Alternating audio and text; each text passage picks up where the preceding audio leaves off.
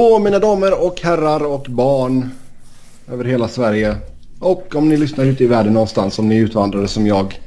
Hej allihopa och hjärtligt välkomna till ett nytt avsnitt av Svenska fans NHL-podd. Mitt namn är Sebastian Norén och med mig som vanligt så är Niklas Wiberg. Ingen Robin idag, han är på jobbet och slavar iväg. Eh, folk köper leksaker även när det inte är julafton. Ja. Lego, du vet, det kan man leka med när som. Oh ja. Ja, första rundan är över. Vi ska självklart gå in och eh, kolla på vad som hände i de olika matchupsen. Det är även lite nyheter som har hänt och sen ska vi ta en titt på de awards-nominerade som har kommit ut än så länge. Vi har inte fått alla än, vilket vi också ska diskutera. Men först ut då bland nyheter och sen självklart såklart era lyssnarfrågor. Det ska vi inte glömma av. Tack till alla er som har skrivit in som vanligt. Men vi fick en i mitt tycke ganska äcklig nyhet häromdagen att Slava Vojnov vill tillbaka till NHL och att han ska ha uttryckt intresse för Florida, Montreal, Winnipeg, New York Islanders samt New York Rangers. Eh, det var ju ryska uppgifter detta eh, och ja, vad ska man säga? Alltså jag är ju glad att Kings snabbt ute och liksom bara nej, nej, han ska tillbaka till oss i alla fall.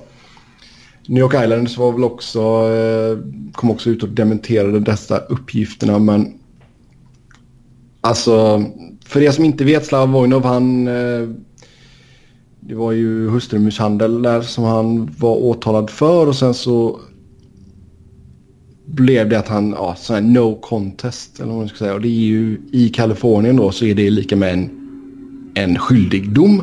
Han åkte frivilligt tillbaka till Ryssland och eh, har nu spelat i KHL ett tag. Och skulle han inte åkt frivilligt skulle han ju förmodligen sparkats ut. Antagligen. Alltså de började ju med sån här immigration hearing och grejer men så valde han ju att lämna landet frivilligt då. Så från en legal eh, standpoint så eh, tror jag att det ska jäkligt mycket till för att han ska komma tillbaka till NHL. Eh, och det verkar ju som att Kanada har även hårdare regler än vad USA har.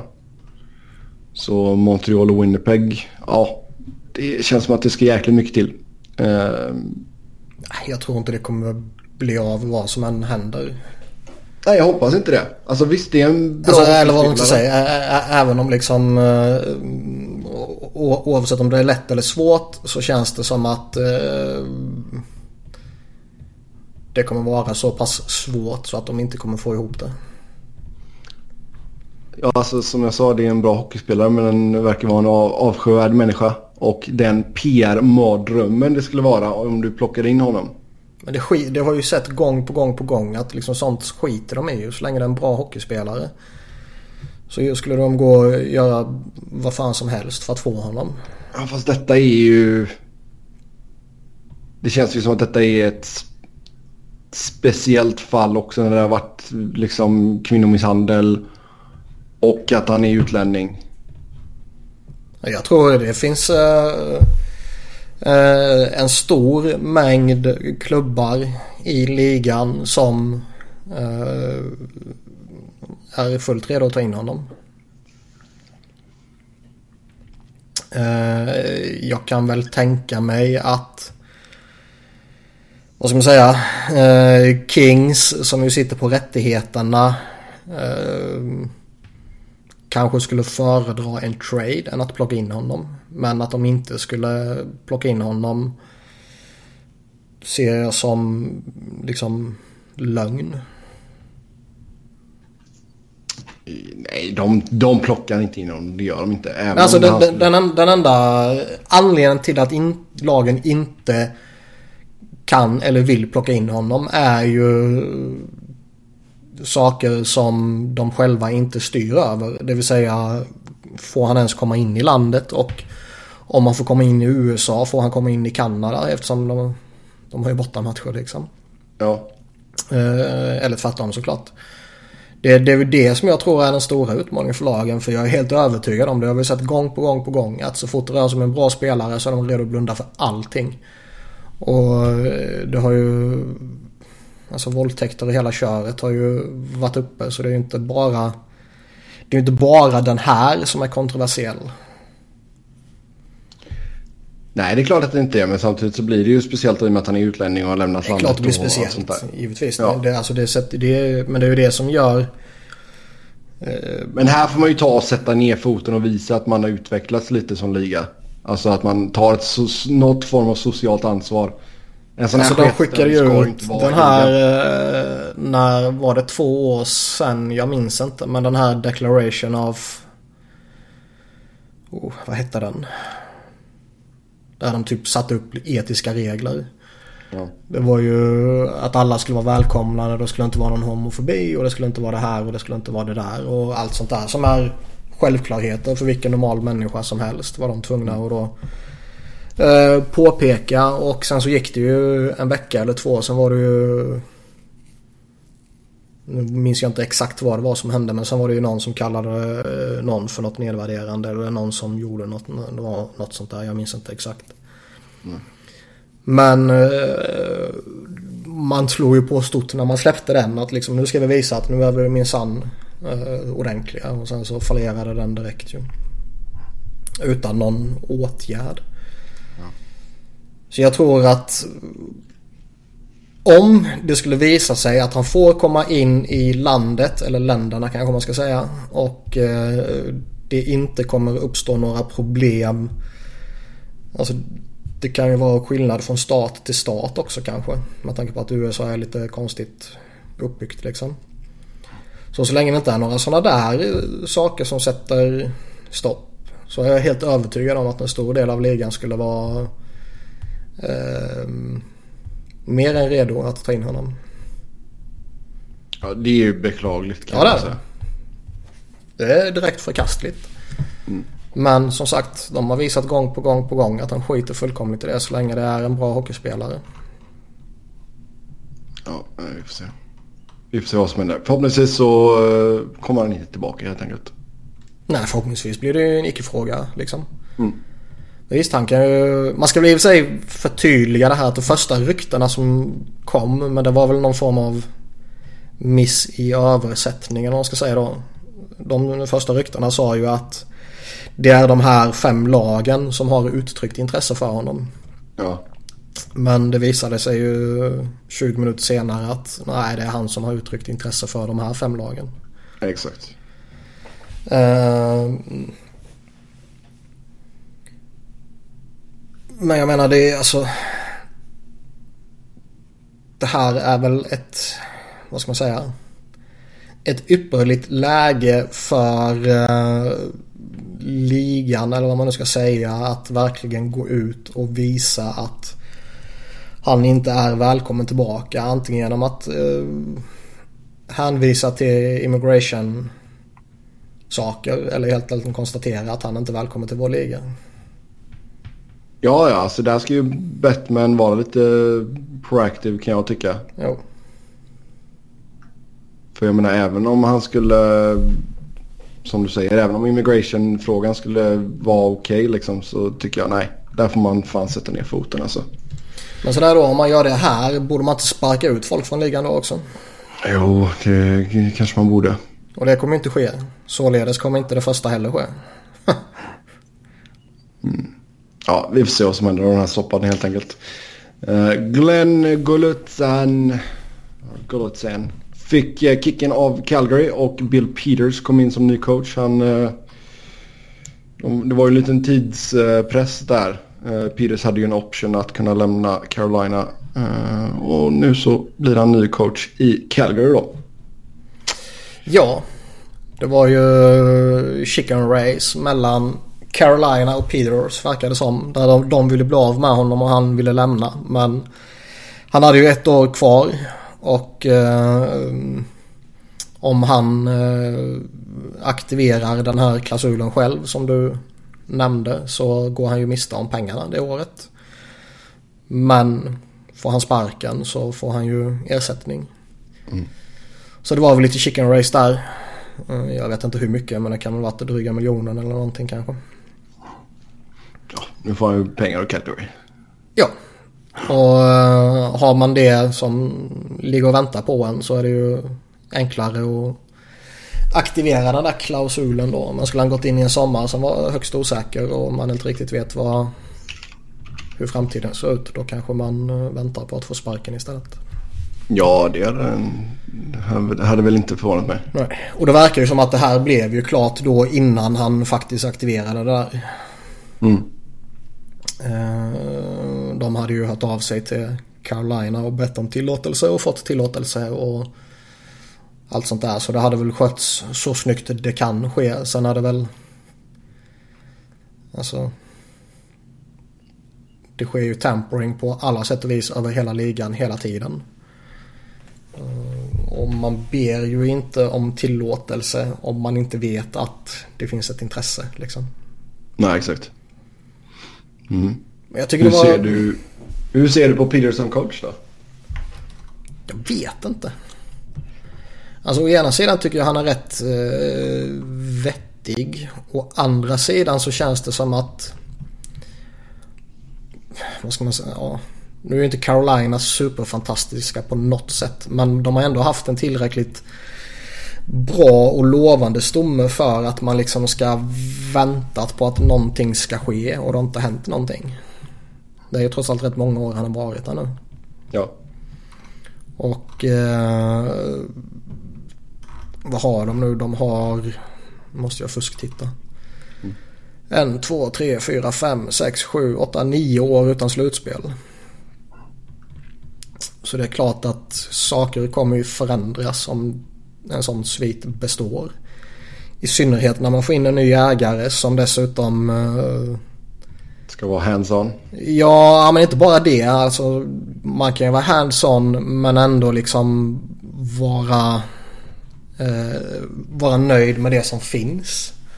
Mm. Uh, men han visade ju väldigt tydligt att han är jävligt missnöjd med jävligt mycket. Och sparkar Ron Francis eh, uppåt då så att säga. Och eh, var ju väldigt tydlig med att eh, vilka kräv, eller vilka kräv, krav heter det. Vilka kräv. vilka krav han eh, tyckte att man kunde ha och skulle ha och sådana här saker. Och eh, när han då vill sätta sin lite speciella prägel på hela organisationen. Så var det ju rätt väntat egentligen att man skulle byta coach också. Mm. Så det var väl bara egentligen att vänta ut uh, ja, ett sånt här chicken race om man säger så då. Nu går det väl något rykte om att Rod Brindamore kanske ska vara aktuell för att ta över som coach i, i Carolina. Så då får man väl se vad som händer där. Men Peters tycker jag ändå är... Han är lite local boy och så här också. Det kan väl alltid... Det kanske man klarar sig lite längre på. I, ja. i Calgary då. Jo, ja, Calgary det var väl inte oförväntat att man skulle göra någon förändring där efter att ha missat slutspelet. Jag tyckte det var väntat. Mm. Alltså jag, jag, tycker det är lite samma sak där men kanske ännu lite tydligare då med Calgary att de har, alltså vi har ju snackat om dem tidigare, de har en jävligt intressant core tycker jag. De har en backbesättning som är väldigt bra och de har en forwardscore som är jättelovande liksom. Mm. Eh, denna säsongen fick de till och med bra målvaktsspel. Ja, när Mike Smith var... När han var hel så var ja, han bra. Ja, en, bättre än bra till och med. Tycker jag. Uh, och återigen misslyckas man och uh, det varit lite sådär man missar slutspel. Sen går man och uh, till andra rundan. Sen missar man slutspel. Sen åker man i första rundan. Nu missar man slutspel. Det är liksom också lite Flames har stått och stampat utan någonting riktigt har hänt. Och då brukar det ju bli någon form av förändring. Och ja. eh, den första förändringen som sker är ju oftast att en GM eh, sparkar coachen innan han själv får sparka. Jo, det är helt sant. Eh, sen ja, tror jag väl att det är lite speciellt i Flames då med tanke på att Brian Burke inte är GM. Men jag är helt övertygad om att det är han som styr verksamheten liksom. Ja, det känns ju inte som att Tree Living har eh, final say där inte. Nej. Absolut inte. Vi kan ju säga det också att Flames, eh, de har inget val i första rundan denna draften. Men i och med att de missade slutspelet så har de ett val i andra rundan. Eh, och så blir de av med andra rundsvalet i draften 2019 istället. Det var väl för, vilken trade var det? Det var Hamnick. Hamnick jag det Så ja. Vi får se vad de kommer hitta på där. Det har ju gått lite rykten också om att man kanske ska skaka om lite i laget. Ja, det skulle inte förvåna någonting heller. Burke känns ju... Han är ju fantastisk att ha i ligan så länge han inte är i ditt eget lag. Ja, för det händer alltid grejer. ja, det, det händer grejer och det känns som att när saker inte riktigt går som man själva typ räknade med. Så kommer det ge konsekvenser. Och den här säsongen känns som ett typexempel på en sån säsong. Uh, man sparkar coachen, man tar in en local boy som ändå har ett, ett helt okej rykte. Uh, man har snackat, man, man vill bli tuffare att spela mot, man vill bli liksom hårdare, more grit och character och bla bla bla. Massa det där standardskitsnacket. Alltså det kommer bli sån huggsexa om Ryan Reeves i sommar. ja, eller det är många lag som bara, vi, vi måste ha mer grit, vi måste ha mer. Ja, vi ska snacka Wayne Simmons när vi kommer till uh, Pittsburgh, Philadelphia rundan där, absolut. Men det känns som att eh. jag, jag, skulle inte bli ett dugg förvånad om Calgary gör någonting uh, inte överjävligt stort. Kanske inte så att de vet, skeppar ut Johnny Hockey eller något sånt där. Men uh, precis under kan jag mycket väl tänka mig. Ja, alltså det har ju snackats mycket om Sam Bennett. Ja, men det är ju inte på den nivån. Nej. Alltså Johnny nej, Hockey, tror... Sean Monahan. Ja, nej, nej, de sitter ju säkert. Jordan och jag skulle bli sjukt förvånad om Doggy Hamilton lämnar. Även om det faktiskt känns som att det skulle man kunna lura dem på.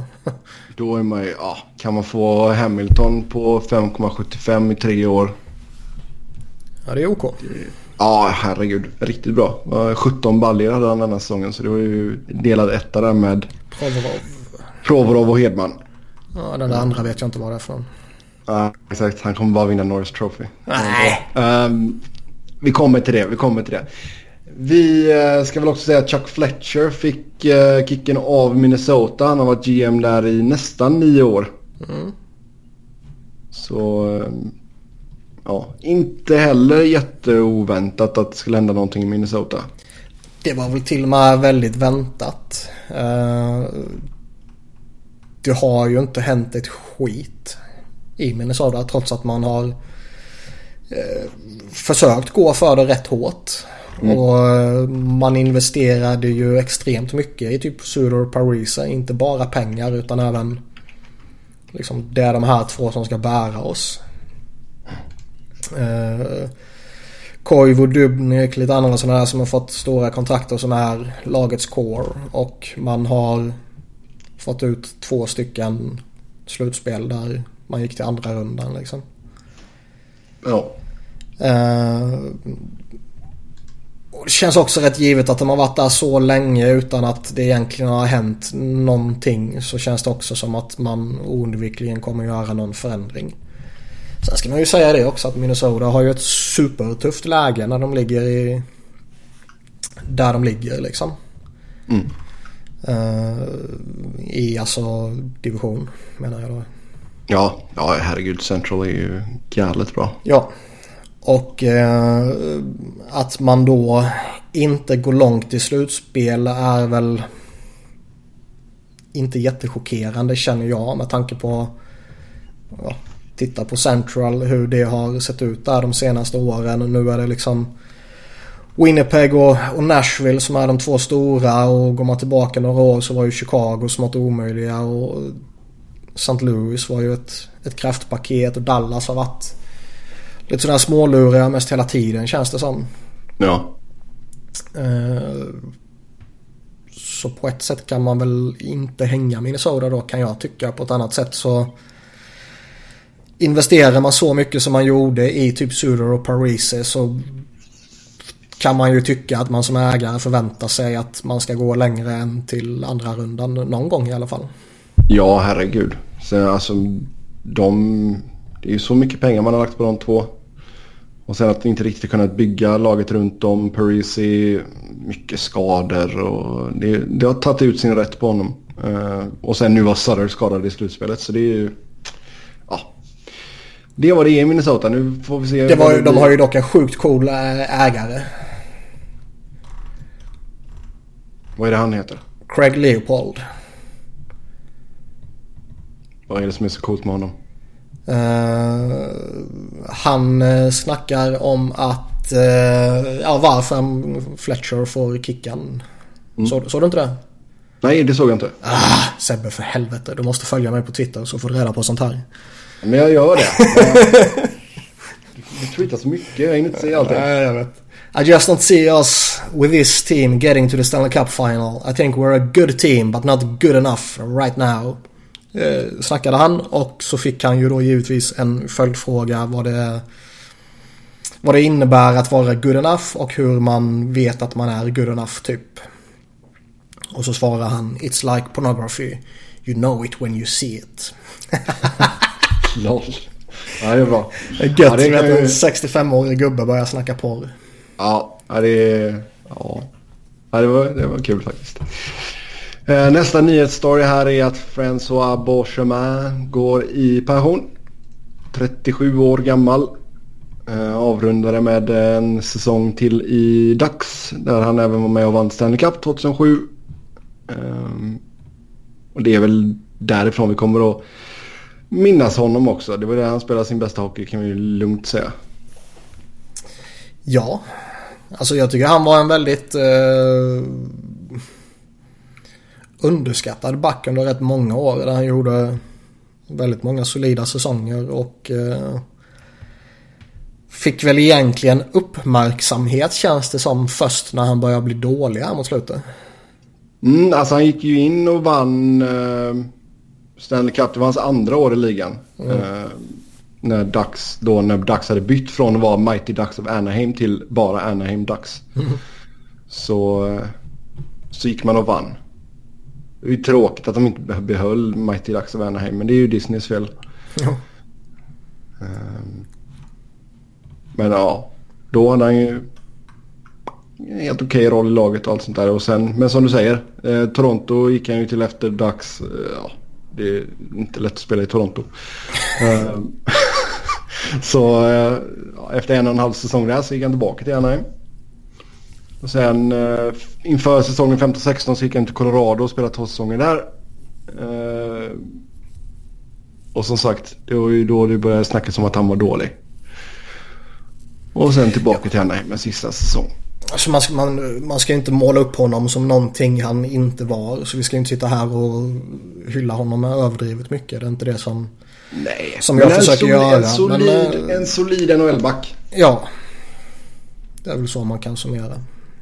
Som ändå så gjorde 903 matcher. Ja, ytterligare 100 i slutspelet. Så det är väl en, en god karriär. Han Absolut. En, eh, en ring med sig. Och han gjorde flest mål i slutspelet 2007. Ja. Fyra stycken. Av backar då. ja. Spelade för tre olika lag i QMJHL. Laval, Titan, Collège Français. Eh, Och sen... Eh, ja, hur fan man nu ska uttala det Så har du här. börjat med det ena måste du fortsätta med alla.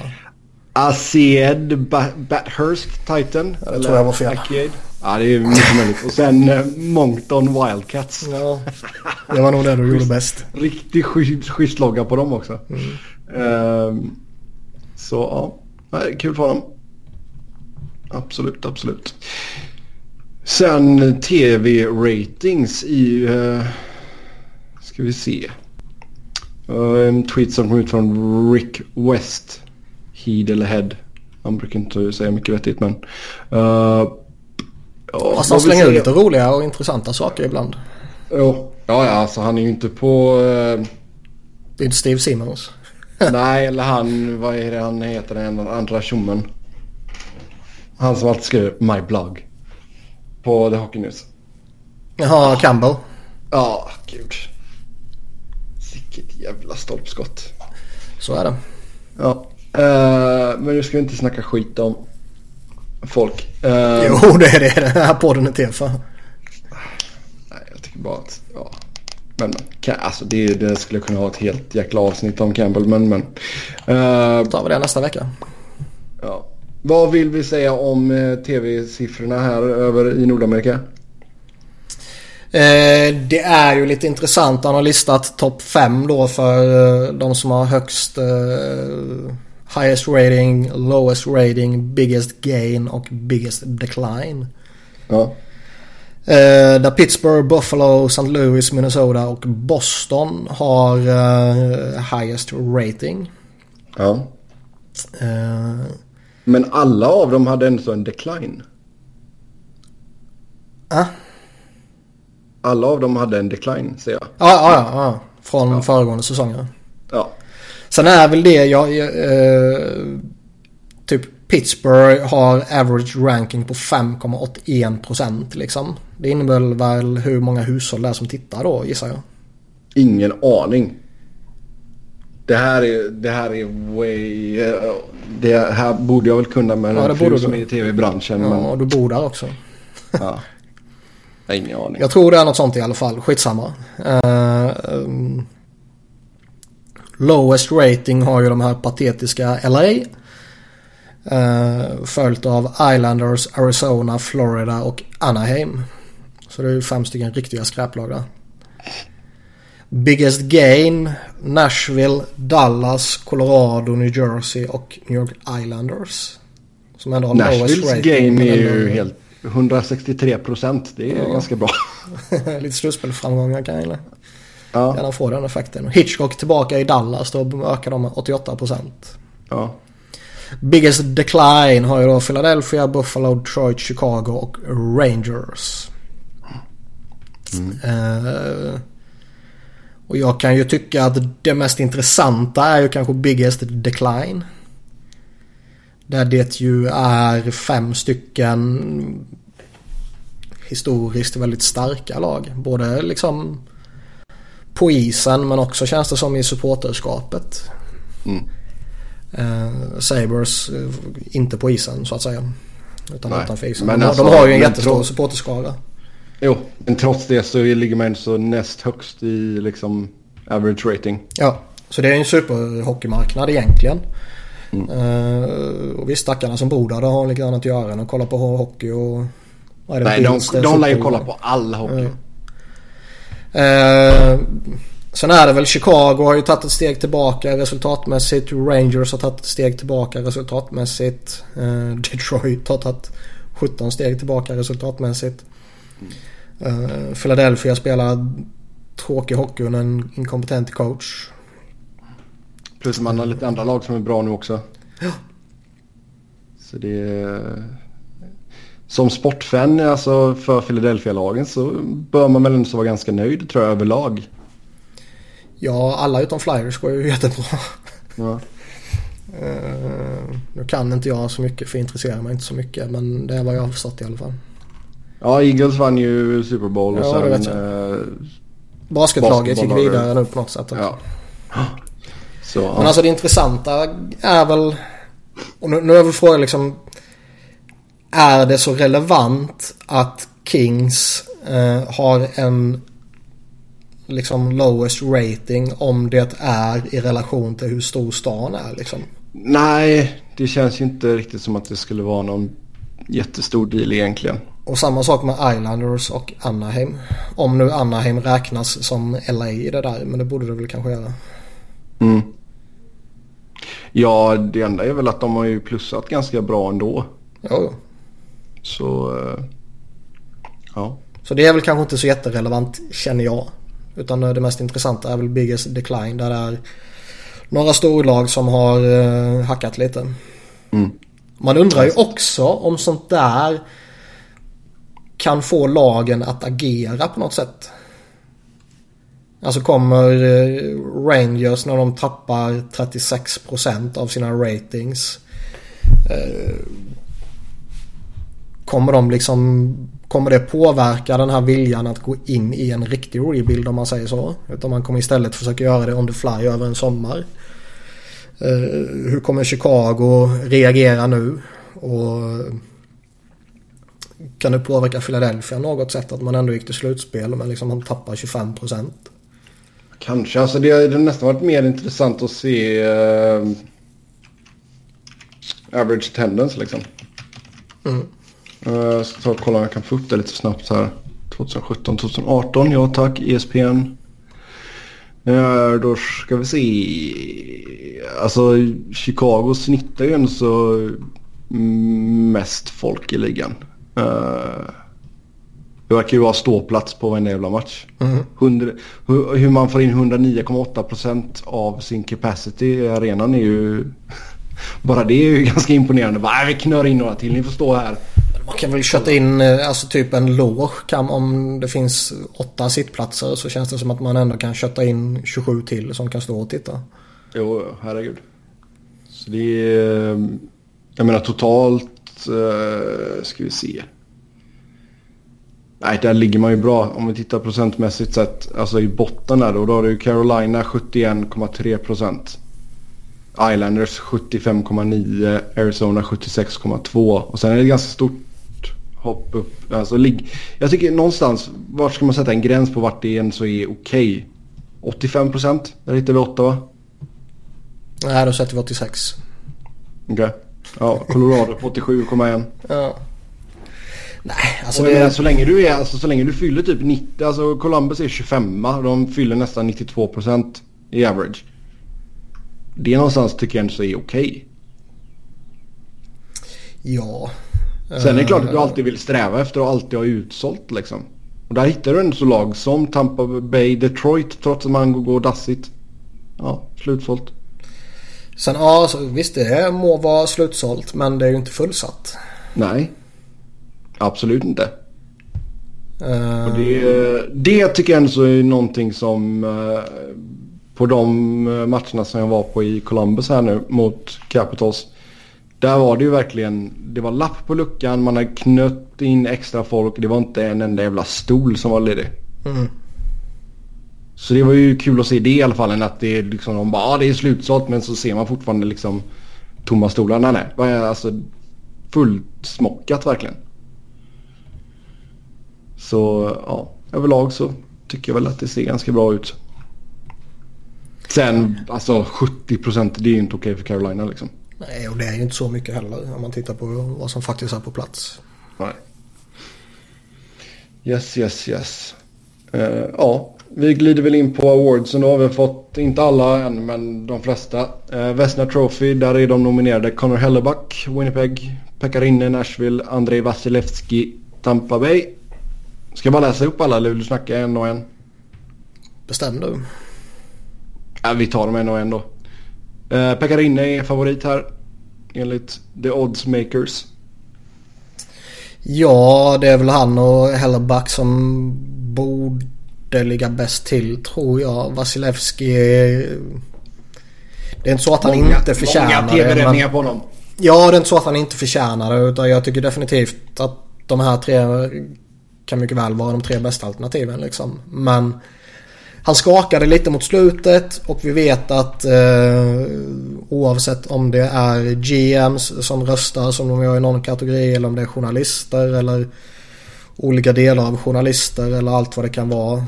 Coacher röstar väl på något också jag för mig. Så eh, recent bias påverkar alltid. Så det var väl lite det som kanske kunde talat mot Vasilevski. Men han var ju helt jävla fenomenal innan han skakade till lite. Alltså, alltså överlag så har vi inte så haft en... Jag menar du skulle kunna slänga upp tre, fyra andra namn här också. Bobrovski är riktigt bra. Absolut. Ranta och Fleury kanske spelade lite få matcher men alltså när de väl spelade var de ju kalasbra. Det känns uh, som att Ranta med tanke på hur det gick för Arizona är ju inte aktuell. Nej, nej, herregud. Men om man bara tittar på hans siffror liksom. Men var det mer som spelade jävligt bra men som inte gjorde... Carter Hutton var det. Det är bra siffror men ja, lite för få matcher kanske. Um, för jag menar, vad spelade han? 32 matcher tror jag. Mm. Så det är inte, känns ju inte riktigt aktuellt då. Uh, Selke Trophy, bästa defensiva forward. Patrice Bergeron, Boston. Sean Couturier, Philadelphia och Anze Kopitar, LA. Ja, och enligt folket här så blir Couturier bra så fort han börjar defensivt. Så fort han börjar göra mycket poäng framåt. Mm.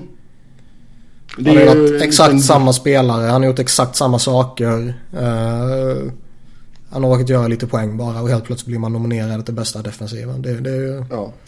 det är lite lustigt kan tyckas. Det en konstig kategori. Ja det är det. Men Eller tre... kategorin är väl inte konstig i sig. Däremot är ju de här flummiga kriterierna som ja, har det var det blivit jag att du måste vara...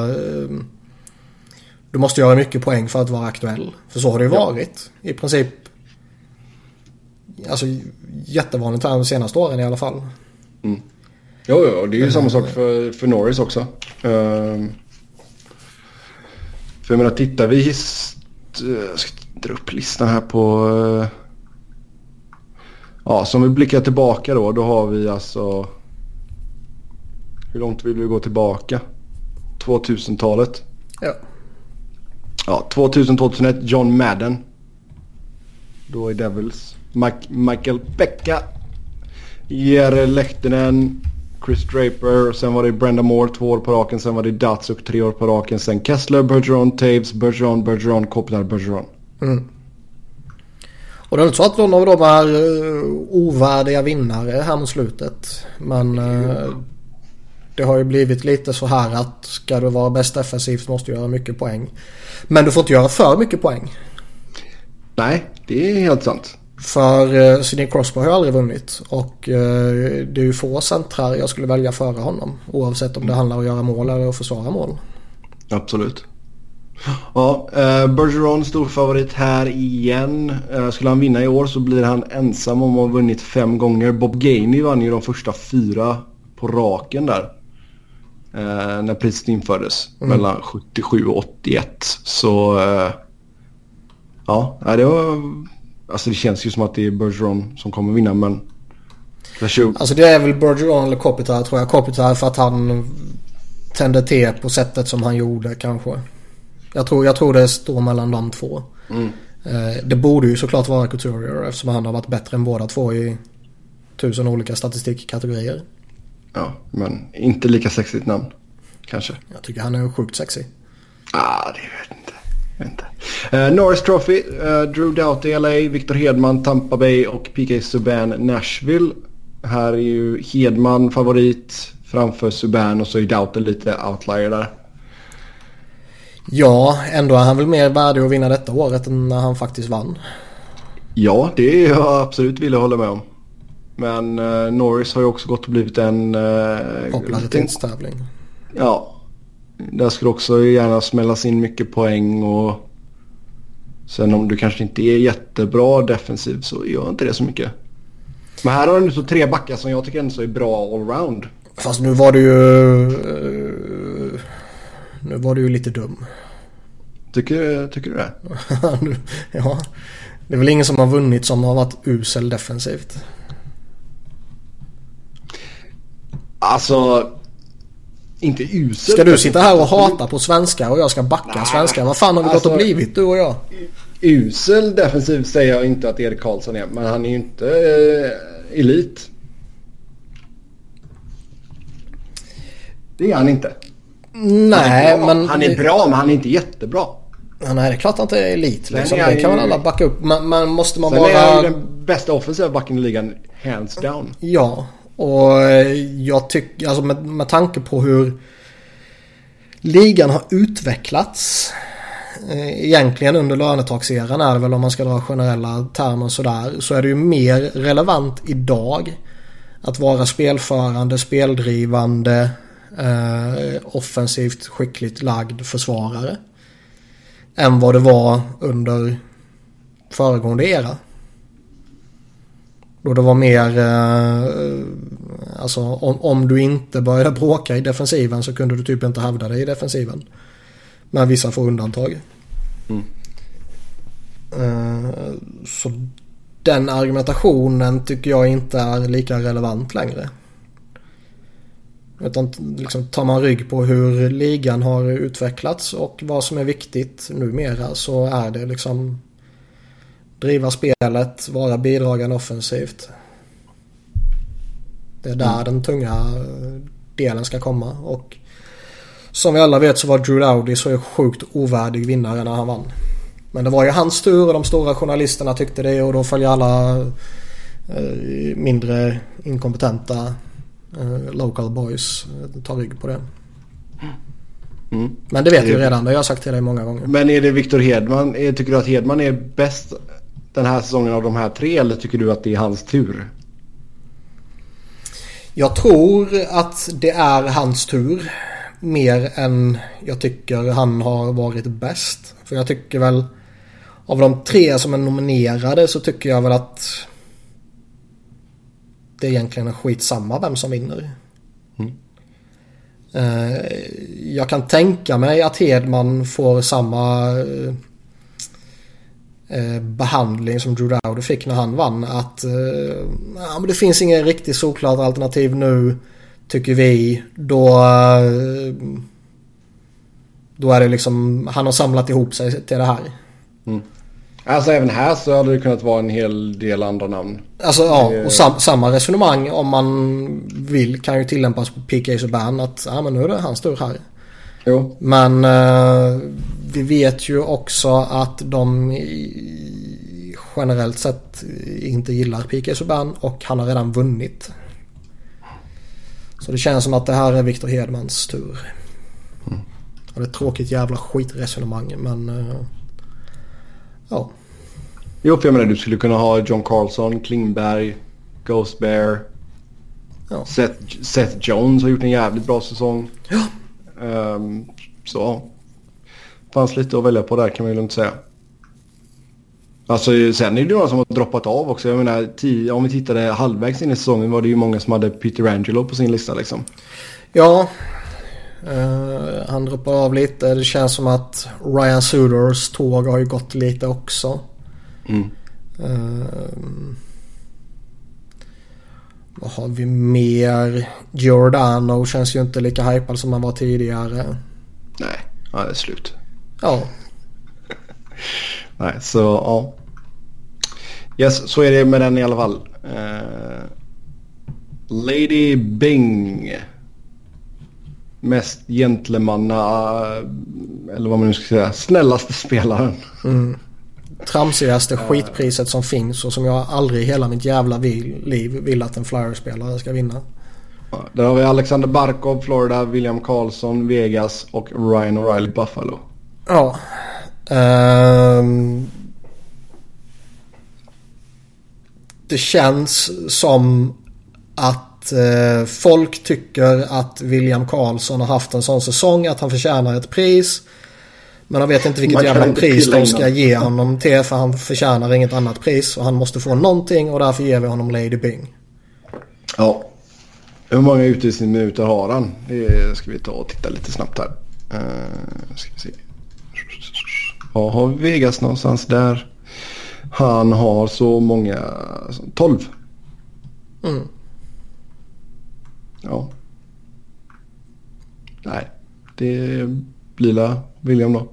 Men det är liksom... Uh, vi, ja men skitsamma, vi orkar inte ens diskutera den här mer. Vi går vidare. Calder Trophy, mm. Årets Rookie. Uh, Matthew Barzal, New York Islanders, Brock Boser, Vancouver och Clayton Keller, Arizona. Barzal ska ju springa hem denna. Jag kan inte tänka mig något annat. Nej. Boser skulle kunna utmanat honom om han inte skulle gått sönder. Ja. Men nu är det så jävla tokgivet så det finns inte. Mm. Keller antagligen trea men gjorde det jävligt bra. Speciellt i början och slutet av säsongen.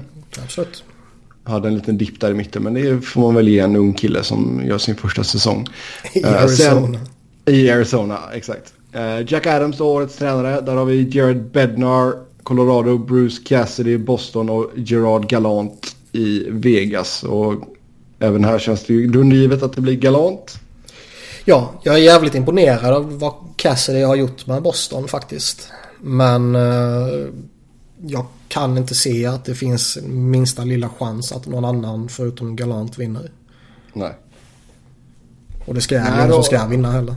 Robin var väl lite inne på spåret att man ska inte ge det till Bednar för liksom att belöna honom för att fjolåret var så jäkla dåligt och så är man bra i år liksom. Det...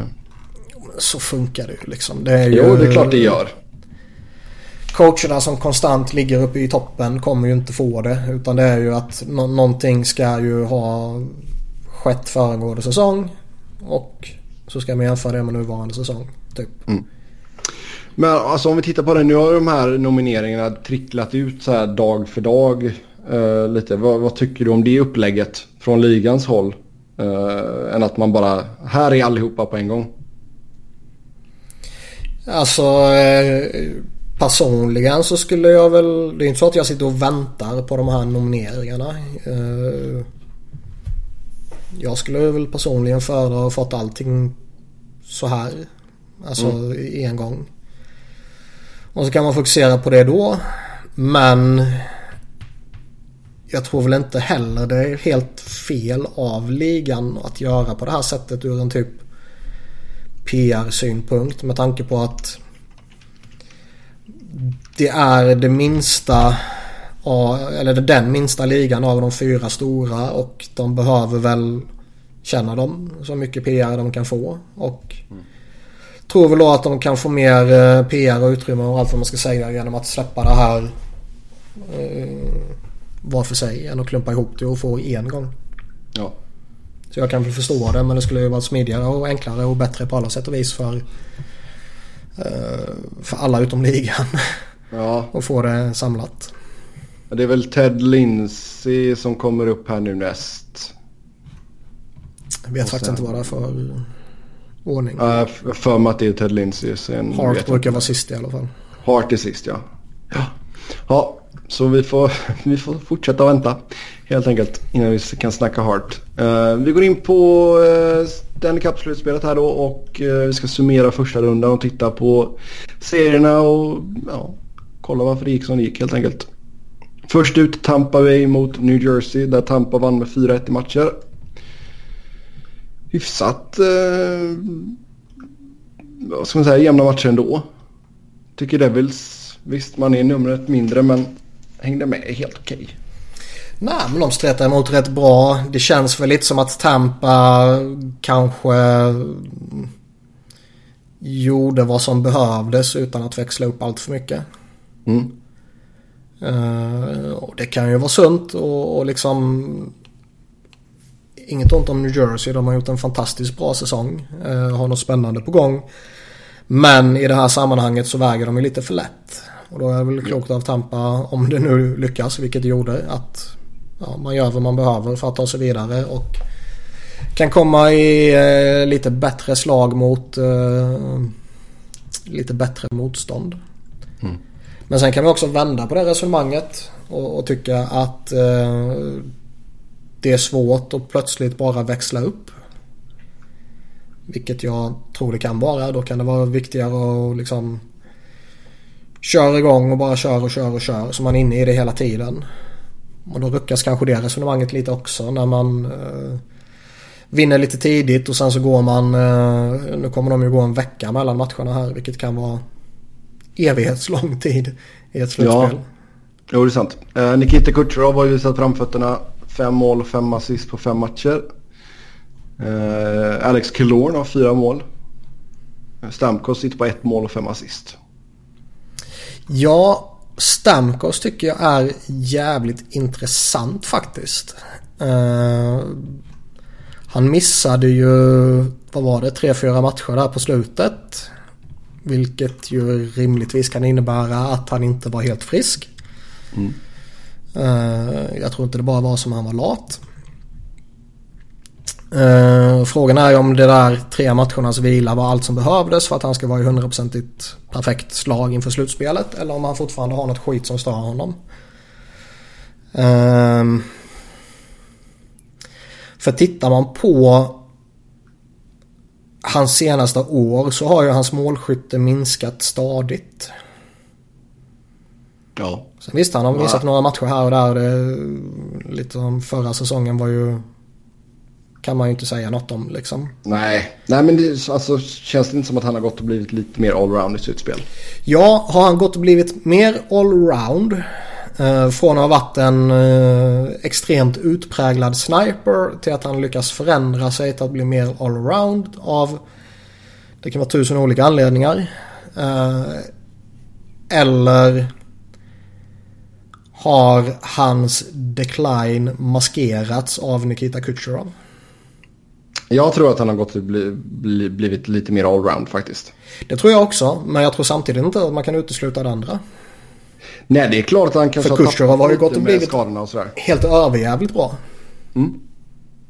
Jo, han är the guy nu i Tampa. Mm. Absolut. Det gör ja, nu känns det ju nästan um, som att det är Kucherov som drar Stamkos på något sätt. Mm. Ut, utan att för den del uh, slänga för mycket skit på Stamkos. Nej, nej, alltså det är klart att Kucherov är, han är deras nya fixstjärna. Så enkelt är det. Uh, Hedman 0 och 0 på fem matcher. Ja, han är slut. Plocka Norris från honom innan han har vunnit den. ja, nej då. Det kommer säkert trilla in lite poäng nu. Sen. Uh, vad tycker vi att Devil ska göra i sommar? De uh, ska väl inte göra någonting egentligen. Lär, läroår eller vad ska man säga? Nej men alltså jag, jag kommer ihåg inför säsongen så flaggade vi lite för att eh, de kan ha något spännande på gång. Jag tror inte alls att de blir en slagpåse och så vidare och så vidare. Och så har de gjort några vettiga grejer. Jag tycker ju Sami Vatanen är ju... Det var en bra eh, trade. En bra trade. Sen har de lite oflyt när han varit lite eh, hjärnskakning och skit. Eh, orosmolnet är väl Corey Schneider. Mm, fyra säsonger kvar på 6 mille cap hit och inte sett jättehet ut. I Nej. två säsonger nu. Ja, frågan är om det är något tillfälligt där han bara har eh, snubblat till och att han bara ska hitta balansen så att säga så kommer han köra på som vanligt. Eller är det här... Ja, nu är hans prime över liksom. Mm. Eh, då kan det där bli problematiskt för dem. Eh, och sen den här säsongen är ju så jävla sjuk. Någon sån att han antingen vann han inte en enda match eller så vann han en match hela 2018. Ja. Och det är ju så absurt så kan man ta det på allvar liksom. Nej, vi får se vad som händer lite. Men det är, det är ju egentligen det enda som jag skulle vara orolig över. Ja. Kan uh, kanske är dags att byta målvaktscoach? Ja, det kanske de gjorde för ett år sedan. Jag har ingen jävla aning. Nej, Nej jag har inte koll på deras målvaktscoach situation faktiskt. Men... Äh, äh, Ray Shero har börjat bygga upp något väldigt bra i New Jersey. John Hines eh, känns rätt kompetent och han fick väl förlängt också har jag för mig. Mm.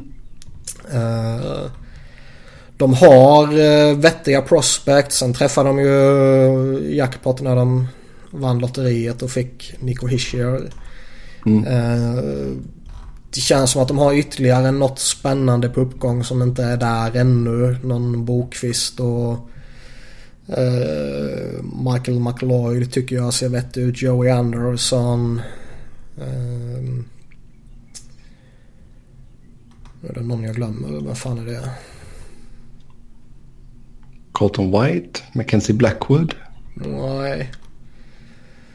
Uh, jo, uh, han de fick från Rangers. Nej, han de skickade iväg var det ju ryk av. Mm. Uh, så han har dem inte längre. Mm. Men annars har de ja, tillräckligt spännande på gång fortfarande som gör att vänta in dem liksom. Slösa inte massa pengar som, eller capspace som ni har tillgängligt nu på free agency eller sådana där saker. Utan vårda det ni har och utveckla det ni har. Ja. De, under väldigt många år framöver kommer de att ha en fantastisk första kedja. Oh ja.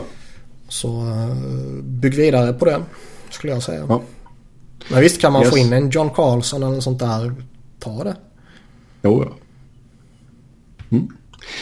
Yes, eh, Tampa kommer ju gå upp mot Boston som skickade ut Toronto med 4-3 i matcher. Ehm, såg ju ut till en början i alla fall som att man skulle ta hem detta ganska smidigt. Eh, 5-1 i första matchen, 7-3 i andra matchen. Eh, hade en 3-1 ledning i matcher. Men ja, det krävdes en Game 7 där Micke gick och vann med 7-4. Ja men alltså eh, vad heter de? Toronto är ju ett lurigt motstånd. Oh ja.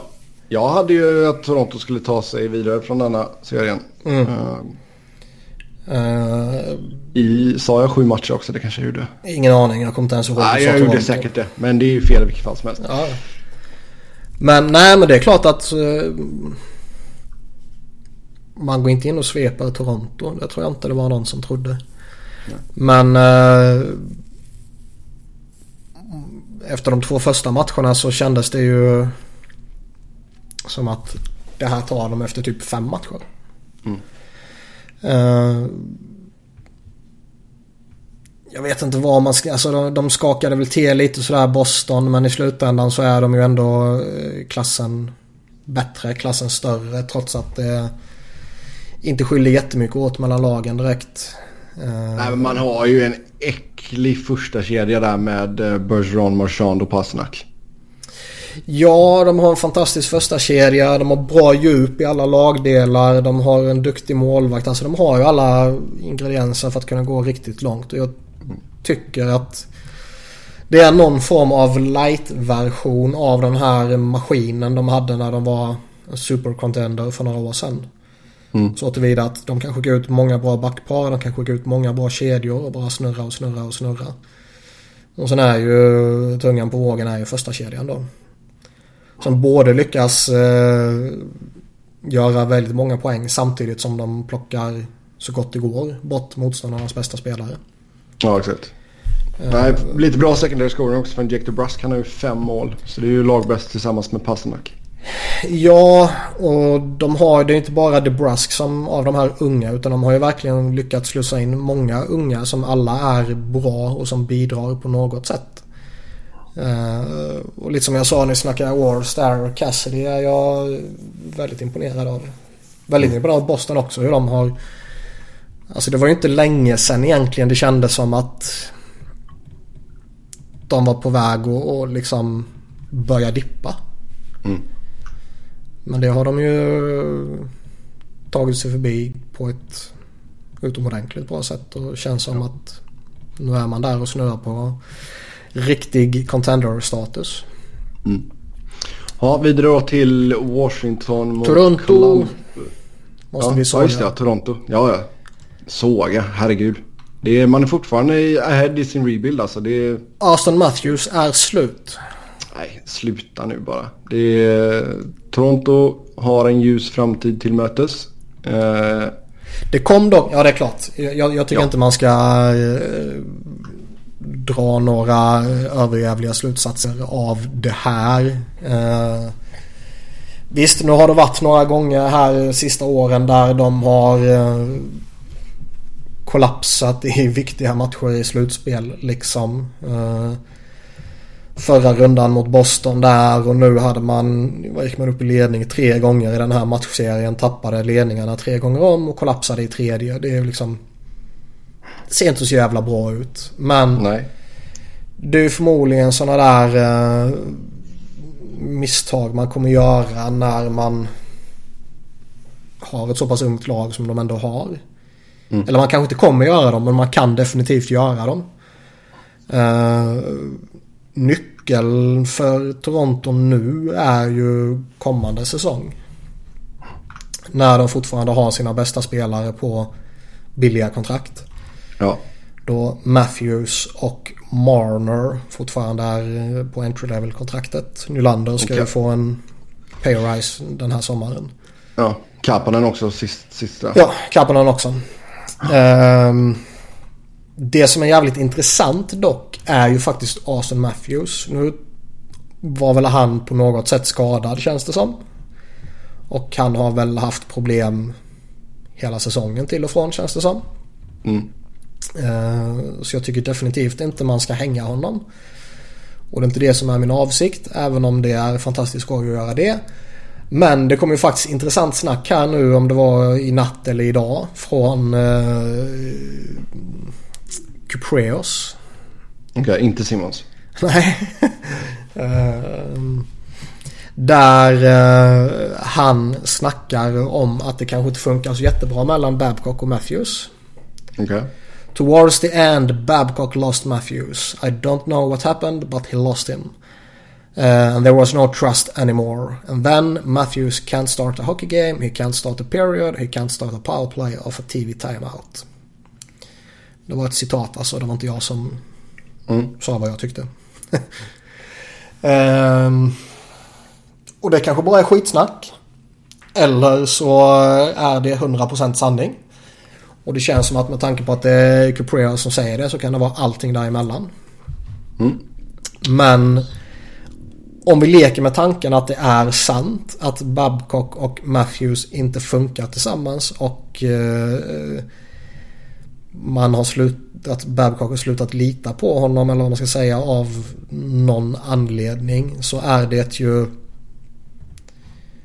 det kan ju vara liksom franchise altering eller vad man ska säga. Mm. Då får man ju göra en trade med Arizona där då. ja. Uh, för det känns ju att har man committat så jävla hårt på Babcock och visst Toronto badar i överflöd av pengar. De kan sparka vem de vill på vilket sätt som helst. Men han har ett riktigt saftigt kontrakt och han har många år kvar. Det känns som att om man committat till honom så behöver man ha honom några år till i alla fall. Mm. Eh, men säg att det skulle vara en riktig fade mellan han och Matthews. Vad gör man då? Men får inte, alltså även om du skulle sparka Babcock så får ju Babcock nytt eh, jobb imorgon liksom. Då är man ju ofta hook lite där. Ja, förmodligen. Men man vet ju inte. Nej. Uh... Nej, men sätt igång rykteskarusellen här då. Matthews till Arizona. och jag menar, vi vet ju att Babcock är en jobbig coach och att han inte är bästa vän med sina spelare liksom. Men det är kanske är en sak att kunna vara det mot en 30-årig Henrik Zetterberg och en 30-årig Pavel Datsjuk. Eller vara det mot en 20-årig Åsa Matthews. Ja, jag menar sen pressen av att vara första center i Toronto är ju redan helt enorm. Alltså det, vi har sagt det så många gånger förut. Man har inte haft en vettig första center sen Sundin lämnade. Mm. Han klarade den pressen. Ja, det får man väl säga. Sen ja. ledde ju inte det någon vart men... Nej det gjorde det inte. Men uh, man är väl en toppback ifrån att vara... På något sätt är det också jävligt talande för uh, Toronto att man gör sin bästa säsong någonsin denna säsongen. Alltså sett till poäng då. Ja. Och det är ändå 6, 7, 8, jag minns inte, lag som var bättre. Mm. Mm. Så för att vara en så pass anrik och fin och eh, full av historia som man är. Mm.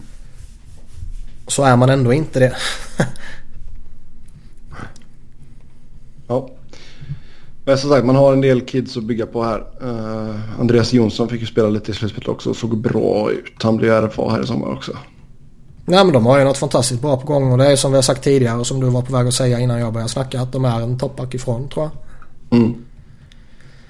Uh, Zaitsev tog ett stort steg tillbaka och man frågar sig om de börjar ångra det där kontraktet nu. Oh ja.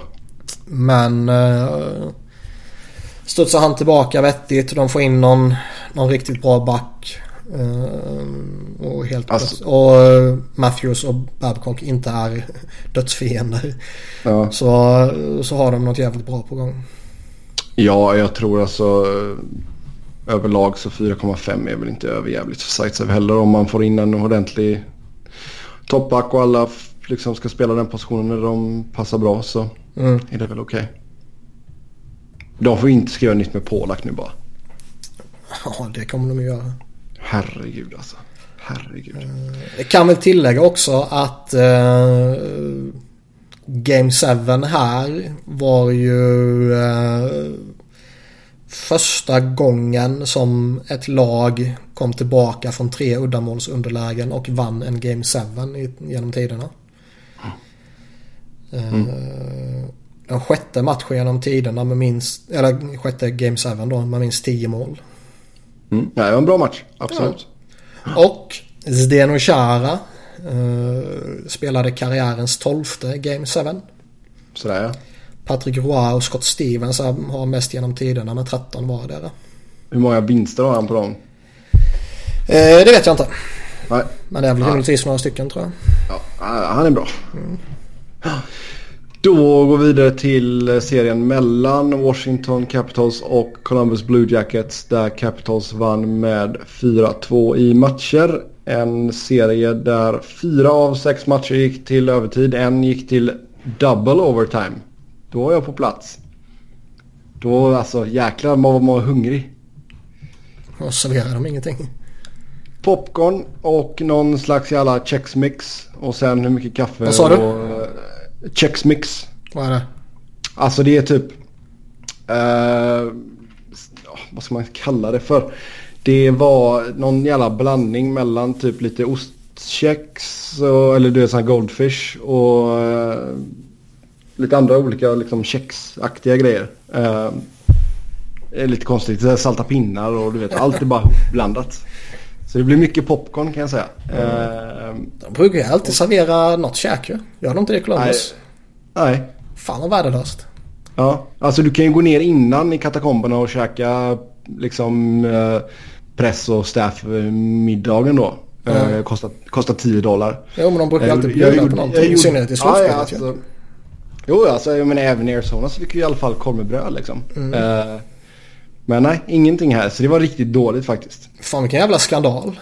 Ja, nu ska jag bli en sån som jag alltid föraktar när journalister sitter på pressläktaren och gnäller att de inte får gratis mat. Ja. Men fan vilken skandal. Ja, nej alltså jag tänker ju bara på, eh, på Jonte som är ute i Anaheim. Där kör de ju uh, in and out buffé för pressen. Och in and out är ju en riktigt bra hamburgerkedja. Uh, så då var man ju lite besviken. Sen är det ju alltid privilegium. Det är ingen som, är ingen som slår Nashville när de delar ut whisky på pressläktaren. Nej, det är i och för sig jäkligt bra också. Så det är, det är klart man är ju privilegierad som får sitta där uppe men uh, nej, man var riktigt hungrig kan jag säga uh, igen. Då har Columbus gått och blivit en fiende till podden helt enkelt. Mm, lite så. Lite så. Nej men alltså det är jäkligt bra serie överlag var detta. Uh, Två rätt roliga ju... lag ju. Columbus har gått ja, lite roligare. ja, alltså samtidigt så man såg ju klasskillnaden. Alltså Capitals riktigt bra i PP såklart med den uppställningen man har. Eh, Panarin sken ju till i inledningen av serien. Eh, men ja, fick ju jäkligt hård bevakning därefter om, från match två framåt liksom. Eh, och ska man vara lite kritisk mot något i Columbus så är det väl att han kanske är lite för ensam. Han är väldigt ensam. Alltså jag tycker Seth Jones ska ha en jäkla eloge för det han gjorde. Han var ju riktigt bra. Speciellt när han spelade jämte en skadad Zach Wierenski. Mm. Uh, och fick dra ett jäkla last där. Bobrovski överlag tycker jag var jävligt bra. Uh, Holtby kom in efter match två. Och, eller kom in i match två, tredje perioden där. Uh, var riktigt grym för dem. så ja, jag är inte förvånad att Washington går vidare liksom. Men eh, Columbus absolut ett, ännu ett steg i rätt riktning. Två raka slutspel. Detta är någonting man kan bygga på.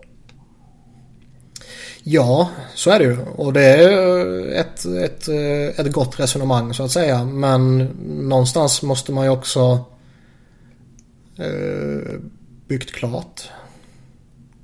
Nu säger inte jag att de borde vunnit detta året, det är inte alls så jag menar liksom. Men man kan inte bygga hur många år som helst heller. Och det där har ju faktiskt blivit jävligt intressant denna säsongen. För det är jävligt många lag man kan säga det på att eh, det är värt att bygga på. Nu ska vi bygga vidare och så ska vi mm. vara som bäst om 3-4 år. Och sen bara kommer Vegas och pissar på alla. Ja. Nej men alltså jag tror att alltså Pierre-Luc Dubois gjorde också ett bra jobb. Jag menar gå in som, vad är 19 bast och lira första center. Uh, gjort det jävligt bra jämte Panarin och, eller mellan Panarin och Atkinson den kedjan är bra alltså. Uh, kan han ta ett oh. kliv till i sin utveckling? Absolut. Seth Jones borde, eller skulle kunna vara nominerad till Norris. Uh, så jag menar man har ett par riktigt bra pusselbitar där. Sen behöver djupet, du behöver lite mer secondary scoring. Uh, man märkte ju att Wemberg var borta. när Nick Folino fick gå upp och lira andra center liksom. Det, jo, det är ju svaghetstecken. Ja, alltså han har ju noll kreativitet. Verkligen. Det är en kämpe men alltså... Nej. Det är, nej, jag håller med.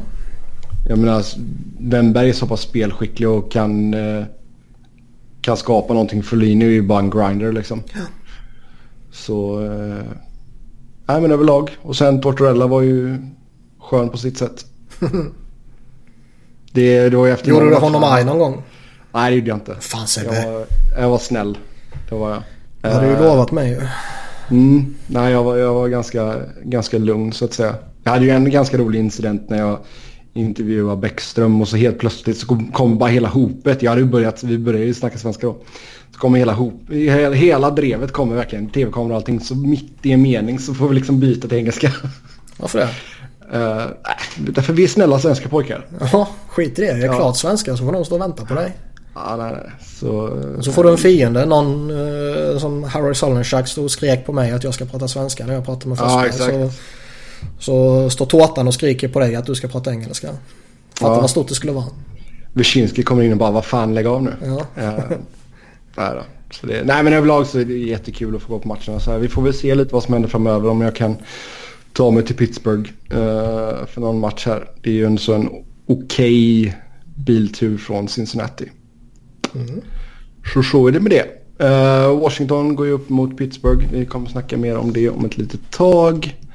Men eh, ja, Pittsburgh, Philadelphia. Uh, 4-2 i matchen till Pittsburgh. Ja. Och det var väl inte jätteförvånande. Eh, tycker ändå det var starkt av Philly att studsa tillbaka i match två efter att ha verkligen skämt ut sig och förlorat med 7-0 i första matchen. Ja, det är klart det är det. Uh, å andra sidan skulle det, det kunde ju inte gå sämre. Eh, Nej, alltså det är ju inte bra. Alltså, man blir nollade i två matcher. Eh, och sen en riktig målfest i Game 6, 8-5. Ja, men det är liksom också... eh, Visst, folk kan titta på den här säsongen och se det som en framgång och ett steg i rätt riktning för Flyers. Eh, jag sa inför säsongen att jag vill se laget ta steg i rätt riktning. Jag vill se att man går till slutspel och sen att man får lite erfarenhet där typ liksom. Eh, Flyers var ett bubble team som lyckades ta sig till slutspel och man går upp mot regerande mästarna. Man torskar med 4-2. Ja, om man bara allmänt tittar på det där lite sådär halvlojt utifrån så är det ju typ vad som ska ske. Eh, men jag tycker liksom att det finns, och det vet ju alla som har lyssnat på mig i den här podden eller i Flyers-podden, att det finns så mycket underliggande problem med det här jävla laget. Och typ alla problem kan spåras tillbaka till coachen. Jo men jag tror också det att alltså, får du in en ny tränare här nu så är det ju verkligen någon, alltså detta någonting som du kan bygga på. Nu har de yngre spelarna fått känna på hetluften i ett slutspel. Och det finns fortfarande jäkligt mycket huvudrum att, för detta laget att växa. Ja, så är det ju. Men sen är det Men också... alltså det håller ju, det, alltså, det ska ju verkligen sägas att då behövs det en ny tränare. Ja, och, och liksom jag har ju läst lite överallt att eh, man förklarar bort den här matchserien typ med Flyers målvakter. Eh, och visst, vare sig Elliot, Mrazek eller Neuwirth var tillräckligt bra. De var till och med direkt usla.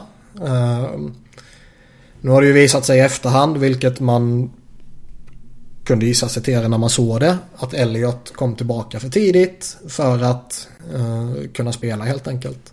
Från skada då. Och såg ju inte bra ut. Eh, efter att ha varit väldigt bra hela grundserien fram till den skadan där så. Det finns väl viss... Eh, vad säger man? Nu tappar jag ordet. Man kan väl ha viss förståelse för att han inte presterar så jävla bra liksom. Jo, det kan man ju köpa. Men sen har man läst lite, du vet. Ja, ja, nu har Flyers problem med sina målvakter igen. Innan de fixade det där och de har inte haft någon målvakt sen Ron Hextall och bla bla bla. Det är ju liksom... Det är bara lathet eller okunskap. Mm. Eh, för det finns liksom... Den här matchserien var ju... Allting som är fel med Philadelphia. Jag har skrivit två lite längre texter som man går in och läser. Man, så slipper jag upprepa allt i här igen liksom. Men man spelar för att inte förlora istället för att vinna liksom. Man försöker riskminimera och allt vad det innebär. Jo men det är ju, uh, hack, det är ju hackstalls MO. Ja exakt. Och, och, och, liksom han föredrar tyngd före snabbhet, skicklighet, kreativitet. Han bänkar yngre spelare för samma misstag som veteraner tillåts göra liksom. Han har en sjuklig övertro på sina veteraner. Han kan inte anpassa sig under matchen. Han kan inte maximera potentialen i laget. Han kan inte utnyttja laget, eller han kan inte hitta lagets styrkor. Han kan inte utnyttja dem sen. Han kan inte hitta och åtgärda svagheterna. Han kan inte förbereda laget för match eller för en period.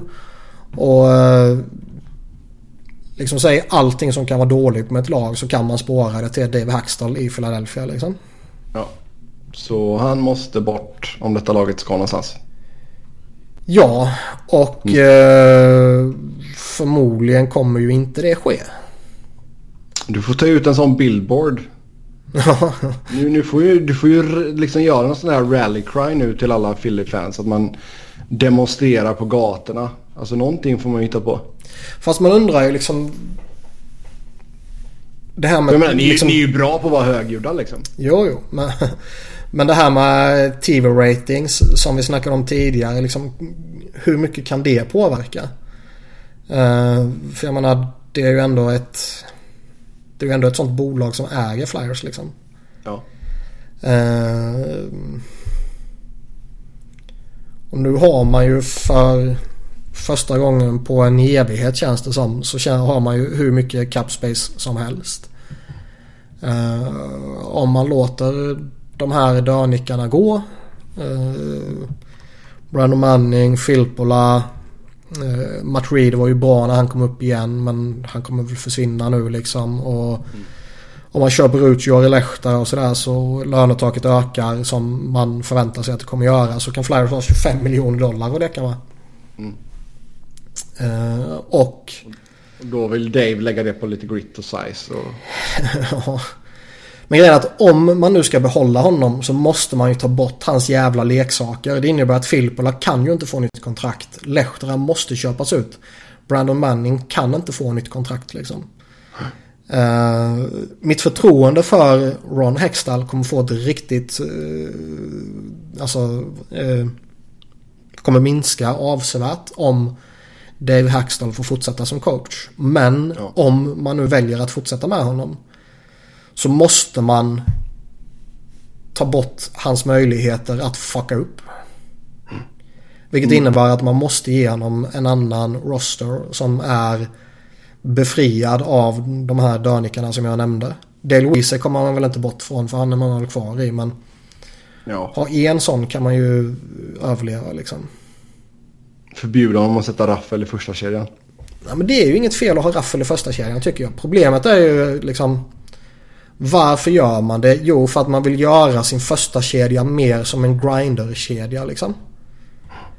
Uh, och knappt en enda gång under hela slutspelet när man nästan hela tiden jagar ett underläge uh, så vägrar man använda sin bästa kedja. Med Travis Connectney, Claude Giroux och Sean Couturier. Där liksom från årsskiftet och framåt var det bara Conor McDavid som gjorde fler 5 mot 5 mål än Travis Connectney. Mm. Och det utnyttjar man liksom inte när man jagar mål. Vad är det för jävla idiot vi har? Nej, det är sant. Som jag säger, ni behöver en ny coach. Sen kan det nog bli eh, riktigt bra för detta laget. Eh, vi måste ju ta och snacka om de här skadorna som några av spelarna hade. Ja. Simmons hade någonting med sin pelvis. Det låter riktigt smärtsamt. Äh, det är som vi har sagt hela tiden att man, man alla har ju misstänkt att han har spelat skadad den här säsongen. Och eh, han har ju haft typ 17 olika skador. Där eh, jag tycker att han är en jävla idiot. Eller så är det laget som är jävla idioter. Liksom istället för att han går in i training camp skadad. Han kommer ut i training camp skadad. Han får tre, fyra nya skador under säsongen som är allt ifrån den här torn pelvis eller vad fan de kallar det till uh, skott på foten och det gick sönder till några handskada till vet, några tänder som slog ut så allt vad fan det var. Alltså den här jävla machokulturen att du ska spela dig igenom smärta. Den förstör ju. Flyers tror jag inte skulle ha några problem att överleva. Eh, om man inte har en komplett idiot som coach såklart. Eh, någon eller några månader utan Wayne Simmons. För mm. att han ska opereras och återhämta sig eller vad det nu ska vara. För att sen kunna vara i gott skick till ett slutspel. Ja, Istället springer han runt och är medioker hela jävla säsongen. Och ja. gör inte ett skit i slutspelet. Så alltså han hade den här pelvis-grejen då. Och det är ju alltså... Ja, jag vet inte riktigt. Nu vet inte jag vart i hans pelvis area den här grejen var men det är ju inget bra ställe att vara skadad liksom. Uh, och det gjorde att han även kompenserade lite på något sätt så att han fick uh, drog en ljumske. Han tappade sex tänder. Han... Uh, Genom att överkompensera? Nej, det vet jag inte. han, nej, han fick ju en klubba i, i ja. Han drog några ligament i tummen. Han bröt något ben i sin fot som du sa där. Uh, Provorov lirade Game 6 uh, med uh, axeln ur led mer eller mindre. Ja, det var en skada som håller han borta i 68 veckor under grundserien. Och ja. fick ju kortisonsprut och allt vad fan det var innan matchen. Och de började avta och mot slutet på matchen har han ingen känsel i sin arm liksom. Ja, så Simon ska ju alltså operera sin pelvis. Ja, Couturier lidade med söndertrasat knä. Ja. Så visst med de förutsättningarna så man kan ju klappa Flyers på ryggen och säga bra jävla säsong. Men som sagt det finns tusen underliggande problem. Ja. Och Flyers är ju inte där man är idag tack vare David Hackstall. Flyers är där man är på, eller trots. Trots ja. David Hackstall. Yes. Ja, eh, vi går väl över till eh, Western Conference då. Och uh, först ut Nashville mot Colorado. Nashville plockade denna serien 4-2 matcher. Ja. Uh, all heder till Colorado tycker jag. Absolut. Som uh, stretade emot lite bättre än vad man trodde och pressade Nashville en del matcher rätt hårt. Uh, jag undrar om man inte kan tillämpa något liknande resonemang här som i Tampa Devils. Så tillvida att Nashville de gjorde vad som behövdes. Ja, mycket möjligt. Uh, sen lär jag Men jag tycker, jag tycker ändå där växte man ändå upp ganska bra i Game 6 tycker jag. Ja, men uh, du förstår ändå vad jag menar. Ja, absolut. Och det är en styrka på sitt sätt då att kunna göra vad som behövs och sen kan man växla upp om man nu kan växla upp som sagt. Ja. Uh, allting var väl inte riktigt frid och fröjd i, i Nashville känns det som. Det känns fortfarande som att de, de kan och definitivt behöver steppa upp uh, inför nästa runda här nu. Men uh, ska vi fokusera på Colorado här så är det ju mm den här säsongen gick väl så bra som det bara kunde hoppas typ. Ja, mer eller mindre. Eh, ett enormt kliv framåt och uh, att gå från den säsongen de hade till att kliva in i slutspelet och uh, gå jättelångt i slutspelet. Det var väl ingen som ens trodde det liksom. Nej, alltså McKinnon har ju tagit sitt uh, ordentliga kliv här och Rantanen är bra. Och du, du har fortfarande många unga spelare som sitter på entry level kontrakt. Så ja, och vi får inte glömma att de tappade både Eric Johnson och Varlamov. Och Nej, Johnson Bernier. Och Bernier, exakt. Mm. Så det var Hamburglar in där till slut. Mm. Uh, så visst, uh, jag tycker Colorado ska vara supernöjda med det här. Och nu låter ju lite på Joe Sakic som att de kanske till och med kommer fortsätta bygga ännu yngre. Mm. Släppa fram ännu fler unga spelare till den kommande säsong och se vad det ta vägen och det vore ju faktiskt väldigt skoj. Absolut. Eh, det känns ju som att har man den här säsongen man får lite blodvittring så att säga så tror jag det är väldigt lätt för väldigt många att oh, nu ska vi gå för det. Nu ska vi uh, nu ska vi värva han och han och han från Free Agency och så ska vi träda till oss han och du vet sådana där saker. Så att då ta ett steg tillbaka och säga att nej nu ska vi bygga ännu hårdare inifrån. Det är ju faktiskt väldigt skoj. Ja, jag menar tittar man på alltså, de utgående kontrakten också. Jag menar Blake Como. Känns väl som att det kan vara tack och hej där va? Uh, Läser man lite mellan raderna så verkar det som att det kan bli så i alla fall. Mm. Sen är det ju liksom RFAs, ja andra UFA som är kanske ja, Gabriel Bork liksom, tjoho. Mm. Det, är, det är skitsamma där liksom som Mark Barbero. Ja. Det är, och sen det är ju inga dyra kontrakt heller liksom. Sen har du en handfull med RFAs som du bör, om du vill ha kvar dem, ja, kunna få ganska billigt. Ja, och de har fortfarande några unga spelare som är kvar att slussa upp. De har både Cale McCarr och Connor Timmins som borde kunna bli bra till exempel. Mm. Eh, kanske lite tidigt för båda redan kommande säsong men alltså de har ju bra grejer. Ja, Valama har ett år kvar på sitt kontrakt. Uh, Bernier blir i och för sig UFA nu och kanske försvinner. Det skulle inte vara jätteförvånande om han kan få chansen någon annanstans. Ja, eller så ser han sin chans i Colorado om uh, liksom Varlamov har ju under uh, en hel del säsonger haft lite skadeproblem. Mm. Den här säsongen samma sak och uh, stannar han, alltså Bernier i Colorado så kan han ju ha rätt goda möjligheter till att ja, spelar många matcher och eh, om det visar sig att Colorado tröttnar på Valamov för att han är skadad och inte förlänger med honom så mm. kan han ha ett jobb där liksom. Absolut. Så jag tror inte Colorado är så jätteoattraktivt. Nej, det är de säkert inte. Eh, sen Winnipeg skickade ut Minnesota med 4-1 i matcher. Och vi har ju pratat lite Minnesota redan men jag tycker det, det var ganska märkbart att Jets var bättre. Eh, och att man saknade Sutter.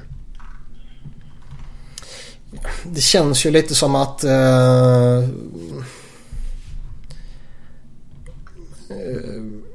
den här matchserien, eller det, det, blir ju inte riktigt relevant att snacka om Minnesota när de tappar Suter liksom.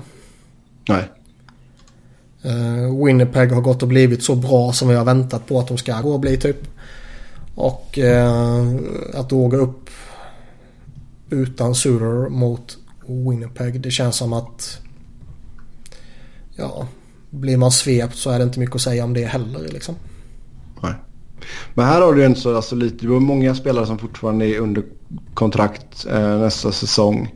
Eh, du har fortfarande en del yngre förmågor som är på entry level så det är ju bra så sett. Men du har ju ändå så typ Matt Dumba som blir RFA här nu. Eh, som ska väl ha en ganska okej okay pay race ändå från de 2,55 han tjänar just nu. Det kan väl dubbleras någonting. Mm. Jason Sucker ska ju ha pröjs också. Mm. RFA nu så där har man ju båda två är RFA så där har man ju eh, lite kontroll över dem i alla fall. Men Sucker kommer liksom från 33 baljor. Mm. Och så. Eh, han borde ju få pröjs. Ja. Så vem kan ligga pyrt till? För man är ju inte jättebra med capspace direkt. Uh, ja, Det känns som att vill man bli av med en Tyler Ennis eller något sånt där så tror jag man löser det. Mm. Men jag tror väl inte att det är någon som man sådär vill bli av med om man säger så. Och de har ändå 7,5 miljoner att röra sig på och egentligen bara de två att förlänga med. Ja. Yes, yes, yes. Mm. Nej, det blir intressant att se också spelare som Jordan Greenway, eh, Eriksson Ek, Luke Kunin, alltså det är ju så någonting som man ska, det är väl lite där man ska försöka börja bygga laget kring kanske. Ja, slussa in dem, se vad som händer.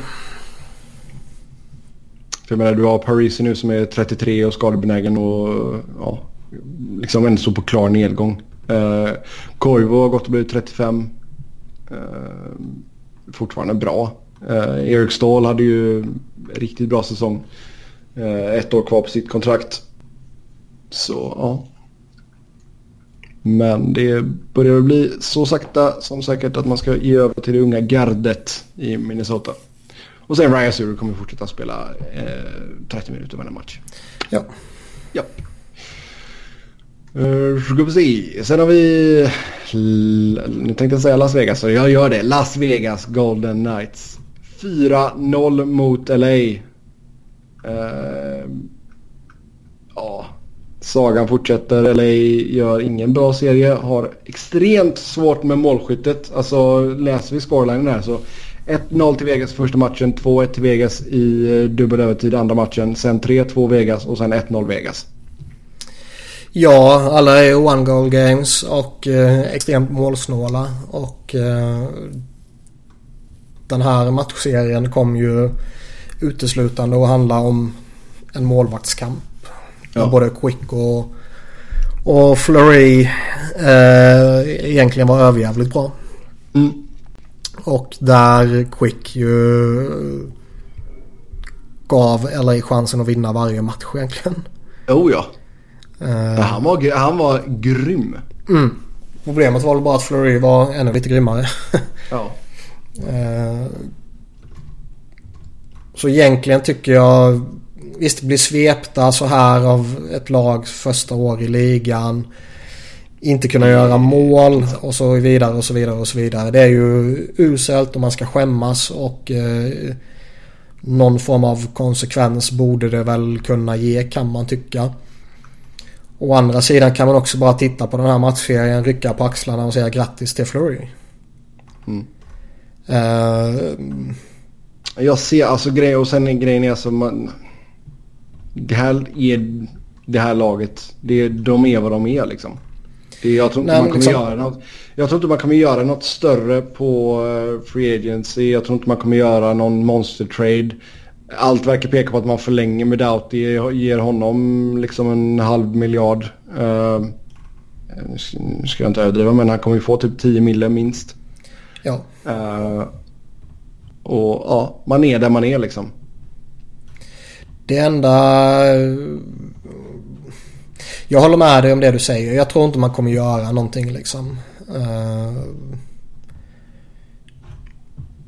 förutom möjligtvis någon liten minijustering. Du vet byta ut Trevor Lewis mot något likvärdigt liksom. Jo. Uh, möjligtvis sådana grejer. Annars kör man vidare. Man studsar tillbaka rätt vettigt denna säsongen. Ger det en säsong till typ. Ja. Uh, och som sagt jag tycker verkligen det är relevant att bara titta på Flurry och rycka på axlarna. Liksom shit happens. Mm. Han... Fyra matcher, ingenting egentligen. Men på de här fyra matcherna så har han en save percentage på 98,97. I 5 mot 5 spelet. Ja. Uh, Nej, alltså 100% det, på high danger save percentage. Ja, Nej, men alltså det, det gäller ju för Kings att verkligen göra sin research nu inför och liksom hitta rätt med sina draft picks. Och, för jag menar prospect-poolen är ju inte uh, jätteljus liksom. Nej det är det inte. Men jag tycker ändå det ser klart mycket mer lovande ut nu under Blake och, och den nya regimen än vad det gjorde tidigare. Jo. Ja. Och som vi har konstaterat tidigare blir av med... Ja, man har ju lite val också. Ja, och liksom bli av med Gaborik är ju guld värt och Fanuff är ju inte Fanuff som han var för några år sedan men fortfarande en kompetent back. Och Dustin Brown kommer ju faktiskt tillbaka lite denna säsongen. Oh ja. Så det är inte samma, Nej, alltså jag, det är inte samma jag, kaoskänsla i LA som det var för inte jättelång tid sedan. Nej. Nej, alltså jag hade väl gärna sett att man fick in någon vettig scorer jämte Kopitar och Brown liksom. Uh, Jeff Carter verkar inte varit helt hundra heller. Uh, Nej. Sen, ja, så jag menar liksom kedjan med Carter, Toffoli, Pearson. Ja, den bör väl kunna studsa tillbaka liksom.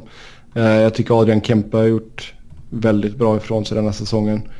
Eh, fortfarande bara 21 år gammal liksom. Så det är, ja, några ljusglimtar finns det väl. Helt klart.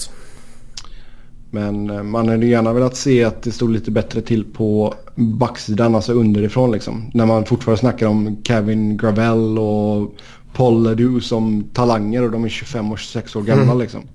Det, ah. Det, nej. Det kommer inte bli, alltså visst de kanske kan bli eh, NHL-backar alltså om man säger så men. Det, det är ingenting som, jag ser inte någon av dem som kommer få någon så här explosionsartad late bloom grej liksom. Nej, verkligen inte. Och eh, kortsiktigt eh, tror jag väl inte LA ska vara så jätteoroliga. Där duger liksom och Faneuf och Martinez och Massin alldeles utmärkt ytterligare någon eller några säsonger. Ja då. Eh, så jag menar man har ju fortfarande råd att börja drafta nu och fokusera mm. på det nu för att åtgärda det så småningom. Det är ju ingen panik så. Om man inte uh, tradar Audi. Ja. För jag menar, det har jag sagt alltid att när man har en sån stjärna som går in på sitt sista år så förlänger eller tradar. Mm. Ja, alltså, och i alltså, Daudis fall tycker jag ju faktiskt det... Trada. Ja, alltså han är ju duktig såklart och han är inte så usel som jag eh, försöker övertyga dig om att han är. Mm. Men det tror jag de flesta fattar att jag inte menar på allvar. Däremot så är han inte så bra som du får honom till. alltså vi har, ja, men vadå, vi har ju slått fast Nej jag skämtar med dig, du vet vad jag menar. Ja, nej men alltså men, han är topp top 10. Ja, eh, och, men och liksom jag, duktig, tycker, men... jag, tycker, jag tycker ändå att han kommer kosta mer än vad han smakar. För han kommer få betalt för grejer han redan har gjort, inte för det han kommer att göra. Nej, och det är för, alltså, skulle han varit 25 så är inte det några problem kanske. Nu är han 28, Nej. ytterligare ett år kvar. Eh, betala de där pengarna som det förmodligen kommer bli. Där det är liksom tvåsiffrigt cap hit. Och ja. eh, betala de pengarna för Drew Dowdy år 30 till 40 typ liksom däromkring. Ja. Eh, det kan bli jobbigt. Mm. Nej, ja, då hade jag hellre sett, för jag menar hans värde är ju Superhögt tror jag. Ja. Och jag har ju som jag har sagt till dig några gånger en sån här fruktan om att Ron Hextall kommer gå efter honom antingen via trade eller free agent. Vilket jag inte är helt förtjust i. Alltså jag tar gärna Provorov eller Ghostberry tillbaka liksom. Ja, det... håll käften. Nej, så vi får se det. Alltså, och sen utgående kontrakt. Ja, Tori Mitchell blir UFA. Christian Folin blir UFA. Kevin Gravel blir UFA. Eh, Tobias Reader blir, eller Ryder eh, blir RFA. Eh, Oskar Fantenberg och Ledoux blir också RFAs. Jordan Subban blir RFA. Mm. Den sämsta av Subban-bröderna. Mm. Eh, och Alex Lintuniemi. Så ja, det... Vi får se vad som händer helt enkelt. Men eh, jag får väl sätta min tillit till Blake i alla fall. Det känns som att han är vettig. Hittills har han ju visat att han uh, förtjänar en chans i alla fall. Mm. Sen uh, sista serien i väst. San Jose Sharks svepte dags 4-0 matcher. Så södra Kalifornien hade ingen vidare slutspelspondus uh, denna rundan. Uh, 3-0, 3-2, 8-1, 2-1. Ja, det var inget snack om saken känns det som. Trots att två matcherna var uddamålssegrar. Mm. Uh, Sharks känns, jag tror vi pratade om det förra programmet, att de känns lite sådär Fan har vi underskattat dem för att de hade rätt många spelare som var lite halvdana sådär första månaden, första en och en halv, två månaderna. Du och Robin var ju helt fel ute i denna. Jag har, tippade jag Anaheim, det kan jag inte tänka mig. För mig att du gjorde det. Jag vet att jag var den enda som var helt dundersäker på att... Tippade jag verkligen för Randy Carlisle? Jag tror att du gjorde det men att du sa att det skulle vara kul ifall han misslyckades. Jag för mig att det, det var det vi sa. Nej, ingen aning. Jag kommer inte ihåg sånt Nej, Nej inte jag heller. Men... Jag, jag, hade, jag hade rätt i alla fall. Ja men det sa ju bara för att frugan misshandlade dig annars. Nej då, nej då. nej men alltså här, här har man ändå fått bra produktion av många spelare. Uh, Marcus Sörensen bland annat. Uh, och Hertel. Ja, Evander Kane. Och Evander Kane, absolut. Melkman tre assist också, det är bra. Det är bra. Uh, men nu ska vi fokusera lite mer på Anaheim då. Corey Perry, urusel. Och uh, visa återigen att han är en riktig jäkla sketstövel på isen. och ja. Nej men deras bästa spelare var ju inte bäst ju. Nej. Uh, Corey Perry är ju en av deras bästa spelare till rykte, anseende, lönecheck och så vidare. Men han är väl det kanske inte sett till faktiska prestationer längre. Nej, alltså det men, kontraktet har ju gått och blivit kalasdåligt. Mm, men han behöver ju fortfarande vara bättre än vad han var. Oh, ja. Ryan Getzlav som fortfarande är utomordentligt duktig. Mm. Uh, var ju usel. Ja. Alltså uh, blir man svepta och man bara gör två assist då, då ska man hängas liksom. Mm. Samma sak för Kessler. Ja, han jag, jag, man kan ju inte ha samma krav och förväntningar på honom liksom. Han måste man förvänta sig lite annat från. Framförallt som han... Eh, han är väl lite mer skadedrabbad än vad Getzlaff är liksom. Jo, jo, men alltså han ska ju inte vara en sån som skulle kunna gå in och... Alltså de behöver ju att han går in och stänger deras bästa kedja. Och, ja, jag tänkte säga det också. Han behöver göra det och sen har han ju ett rykte om sig också att vara en spelare som liksom... Höjer sig på och höjer sig i ett slutspel. Mm. Och det gjorde han ju inte. Nej. Uh, men jag tycker ändå så här har man ju ändå så chansen att bli av med lite dödkött. Alltså Vermette kan försvinna, Chris Kelly, JT Brown, Chimera, alla UFAs. Uh, Bek, samma sak, Be, alltså Beksa blir UFA, Boschman går i pension. Uh. Alltså ja, frågan är ju... Jag kan tänka mig att Vermette blir kvar. Det ryktades ju att han hade rätt mycket intresse omkring sig vid trade deadline till exempel. Det förstår inte jag. Nej, men du vet veteran, eh, center, kan spela bara de sex, vinner tekningar, bla bla bla. Han kommer, ja du vet. Det där han, vanliga han tråkiga inte, gamla narrativet. Han är inte bra längre. Nej, det tycker inte jag heller. Men du vet hur det funkar. Ja, sen att han kanske är någon slags svärmorsdröm, det är en annan femma. Ja. Nej men Beksa, man kommer inte bli förvånad om de förlänger med honom heller. Ja, men då, det hade också varit ett gravt tjänstefel kan jag känna. Jo, det är det. Du, har en, du har en bra backcore som du kan bygga på. Ja, men det finns bara en Kevin Bjäxa. ja. Nej, men menar, du, alltså Hampus, bra. Fowler, ja, helt okej. Okay. Uh, ehm, nej då, Fowler bra. Uh, Brennan Montour, bra. Marcus Pettersson kommit upp och spelat bra. Uh, Jakob Larsson fick väl också doppa tårna. Uh, så jag menar, du har en så lite yngre förmåga där. Sen kanske, visst om de vill få in någon veteran, men ta in någon annan. Förläng fan inte med Beksa. Nej, jag håller med. Men det skulle inte förvåna ett dugg.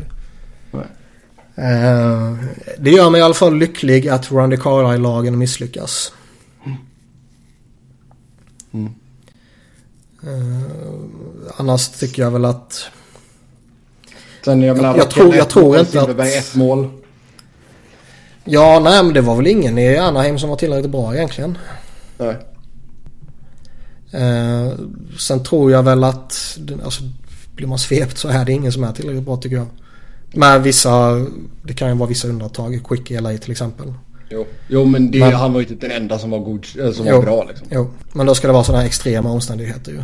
Ja. Så visst, alla kan väl hängas i Anaheim. Men Samtidigt så tror jag inte att de vill eller egentligen kan göra så stora saker. Ja, hur mycket capspace har man att röra sig med? Nio. Ja, det är inte överdrivet mycket. Nej, men de har inte jättemycket att förlänga med heller. Nej, nej, nej. Det har de ju inte. Alltså det är ju Vermette och Bieksa och sen kanske något annat lite smått. Eh, mm. Som kan bli aktuellt. Så visst, de kan ju rekrytera något via trade eller... Eller... Uh, free agency, men... Montour, vad ska han ha? Han blir RFA. Ja, svårt att säga. Alltså vill du bridgea honom eller vill du ändå så låsa upp honom nu? Han är ändå så 24 liksom. Jag tror han kommer få ett korttidskontrakt.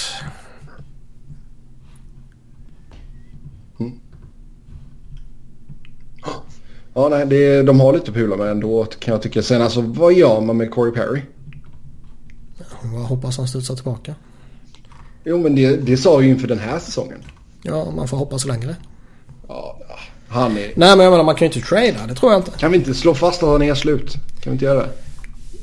Alltså slut. När han är nästan 20 målsskytt så är man väl inte slut. Men han är ju avsevärt mycket sämre än vad han var.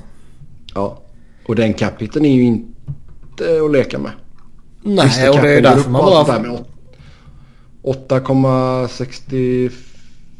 Ja, vad är det? 8 625 000. Ja. Uh, uh, nu får jag ju dessutom uh, två och en halv mille i sign-on bonus här kommande säsong. Ni fick han denna säsongen också. Ja.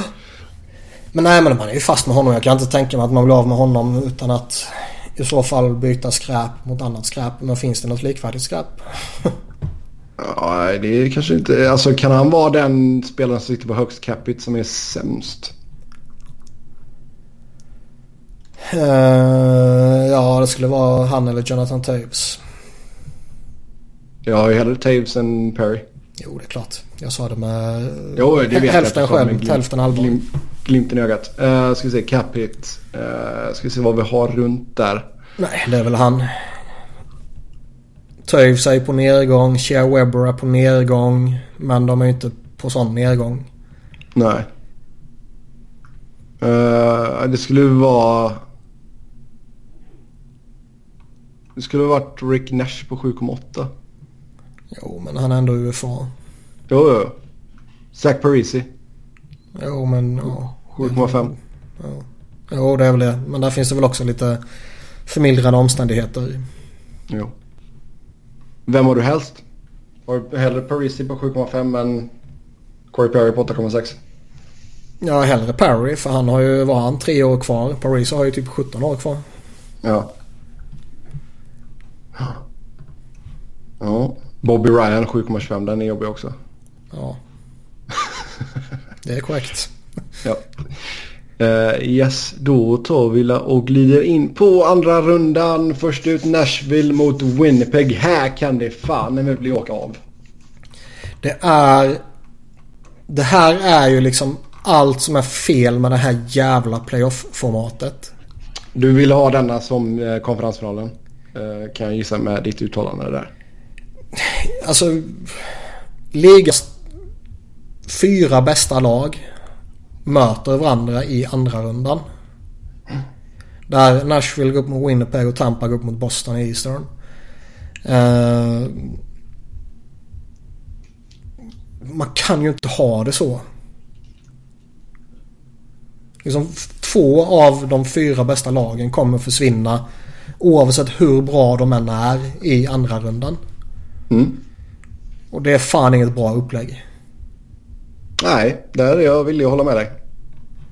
Eh, det är idioti och det är trams och jag är helt övertygad om att ligan kommer låtsas som att allt är perfekt. För det är så de alltid gör. Eh, och ger det ytterligare några år innan de eventuellt gör en förändring när Seattle kommer in typ. Eh, men med det sagt så är ju den här matchserien sjukt intressant. Det är två roliga lag. Det är två liksom fart, kraft, skicklighet. De har liksom allting. Mm. Två bra målvakter också. Ja det är det. Uh, och det känns ju lite som att det här är den moraliska konferensfinalen liksom. Om man nu får använda sig av sådana tramsiga uttryck. Ja, det får vi väl göra. Några klyschor måste vi slänga ut oss. De har blivit klyschor av en anledning. Ja. Men... Eh... Nej men alltså det, vadå, den här känns ju... Alltså nu, nu har ju NHL varit extremt dåliga på att schemalägga matcherna. Uh, men jag menar, går de här två serierna samtidigt så tror Pelle att jag hellre kollar Nashville och Winnipeg än Vegas San Jose. Ja, här jävlar. Det är klart. Det här är ju den mest intressanta matchserien av alla. Och då tycker jag alla fyra är rätt intressanta. Uh, jag tror... Om det inte är så att de här två lagen tar ut varandra så jävla hårt som man är slutkörda i konferensfinalen så tror jag vinnaren här går till final. Mm. Absolut. Eh, men det, det kan ju också bli en sån här riktig slugger-match där man tar musten ur varandra och sen är man går ja, mot Vegas eller Sharks sen och är slutkörd. Bäst av sju, några dubbla övertider och ja. ja exakt. Annars tror jag att vinnaren vinna går till final. Den här, alltså just med tanke på hur sevärda båda de här lagen är så vill jag ju att den här ska gå till sju matcher. Ja. Alternativt att Winnipeg sveper Nashville, Laviolette får sparken och kommer tillbaka till Philly. Oj, det kan ju vara något drömtänk från din sida. Ja, det är det.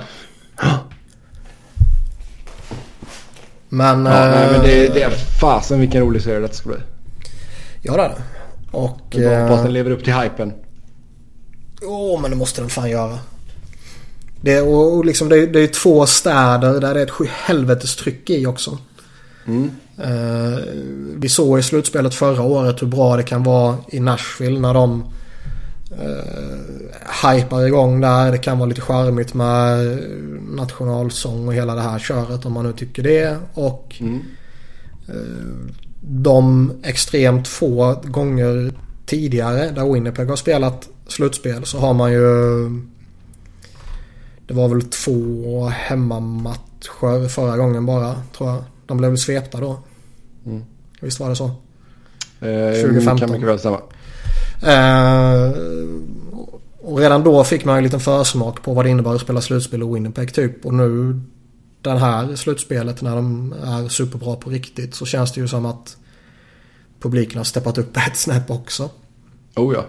Alltså det är ju lite... Så det kommer alltså, fantastisk inramning Köra hela den här white, whiteout-grejen och allt sånt där. Det är coolt som fasen. Det är ju lite synd bara då att de inte spelar i vita tröjor. Jo. Så där tycker jag nästan att de kan få, hemmalaget kan få välja vilka tröjor spelar i.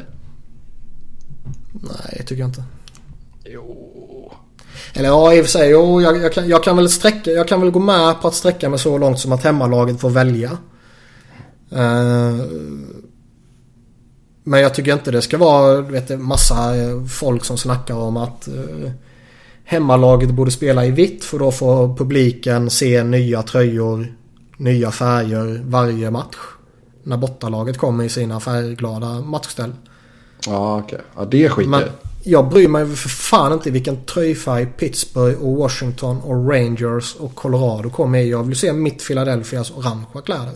Jo. Men jag tycker hemmalaget kan få välja. Ja, så långt kan jag sträcka mig. Mm. Sen har vi eh, Vegas mot San Jose då i den andra matchupen i väst. Den känns ju inte alls lika rolig. Mm, nej, risken finns ju att det blir en ny uh, målvaktsfight som kommer att avgöra allting. Mm. Där Fleury som vi nämnde om tidigare varit helt fantastisk i första rundan och där Martin Jones inte var mycket sämre egentligen. Uh, Fleury hade räddningsprocent som vi sa 98,97 i, i 5 mot 5. Jones uh, var lite sämre med 97,87. Mm. Uh, Vilket fortfarande är riktigt jävla bra. Vilket fortfarande är helt okej ja. ja. Uh, nu tror jag vill, att det ska... Här vill man ju sjukt... att det ska ta slut i Vegas. Ja det måste det göra. Herregud. Ja. Fy fan vad obehagligt att, att se ett Vegas gå upp mot Winnipeg eller Nashville som är totalt slutkörda och sen så Vegas bara tar sig vidare på ett bananskal in i Stanley Cup-final också. Det vore hemskt. Mm.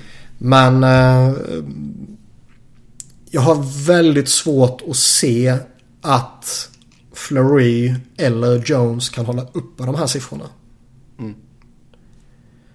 Eh, några få matcher Ja, det kan vara möjligt. Men jag kan, jag, ser, jag kan verkligen inte se att det blir en svep här åt något håll. Nej, det känns väl lite... Nu vet inte jag hur deras regular season... Uh, hur deras head-to-head -head var. Ingen aning, men sånt där tycker jag är irrelevant. Jag tror New Jersey vann alla matcherna mot Tampa till exempel. Ja, okay, ja, då kan vi slänga det ut genom fönstret. Mm. Men den ska bli rolig. Alltså det finns ju mer. Eh, det här är väl den tråkigaste matchserien känner jag. Men. Ja, den är ju inte fortfarande sköna storylines ändå liksom. Det, och jag menar hypen i Vegas är ju helt galen. Ja, menar, de gör, snart de gör eh, chokladstatyer av uh, Flurry och de dräper uh, Frihetsgudinnan i en stor jäkla Golden Knights uh, matchtröja där utanför New York, New York. Mm. Alltså från ett... Alltså vi sa ju redan det när det blev klart att Vegas kommer in att ja, det kommer vara mycket jippo men då fan vad de går all in på det här jippo. Ja. Alltså det är ju verkligen 110 procent. Det är ju Vegas så det bara sjunger om det. Ja, så är det. Så det ska de väl ändå ha en eloge för. Och publiken har verkligen slutit upp. Uh, grymt många bandwagon-fans men ja, det är sånt man får leva med när man är framgångsrika också. Fast de kan väl inte ha några andra fans än bandwagon-fans heller? Ah, Nej, inte första året i ligan. Då är det enda man kan ha fan. Ja. Men, men det är en schysst story så sett. Men jag tror och hoppas att sagan tar slut här mot San Jose. Det vore skoj om Sharks sveper dem. Ta ner dem på jorden lite. Ja, det behövs fan. Ja. Uh, ute i öst då, Tampa Bay mot Boston. Uh, känns ju som att det här kan bli ruggigt intressant också. Den är väl motsvarigheten till uh, i East då till vad Nashville och Winnipeg var i Western. Mm. Eh, två stora, tunga, eh, extremt farliga lag som eh, båda två egentligen kan utan problem typ vinna hela skiten. Mm.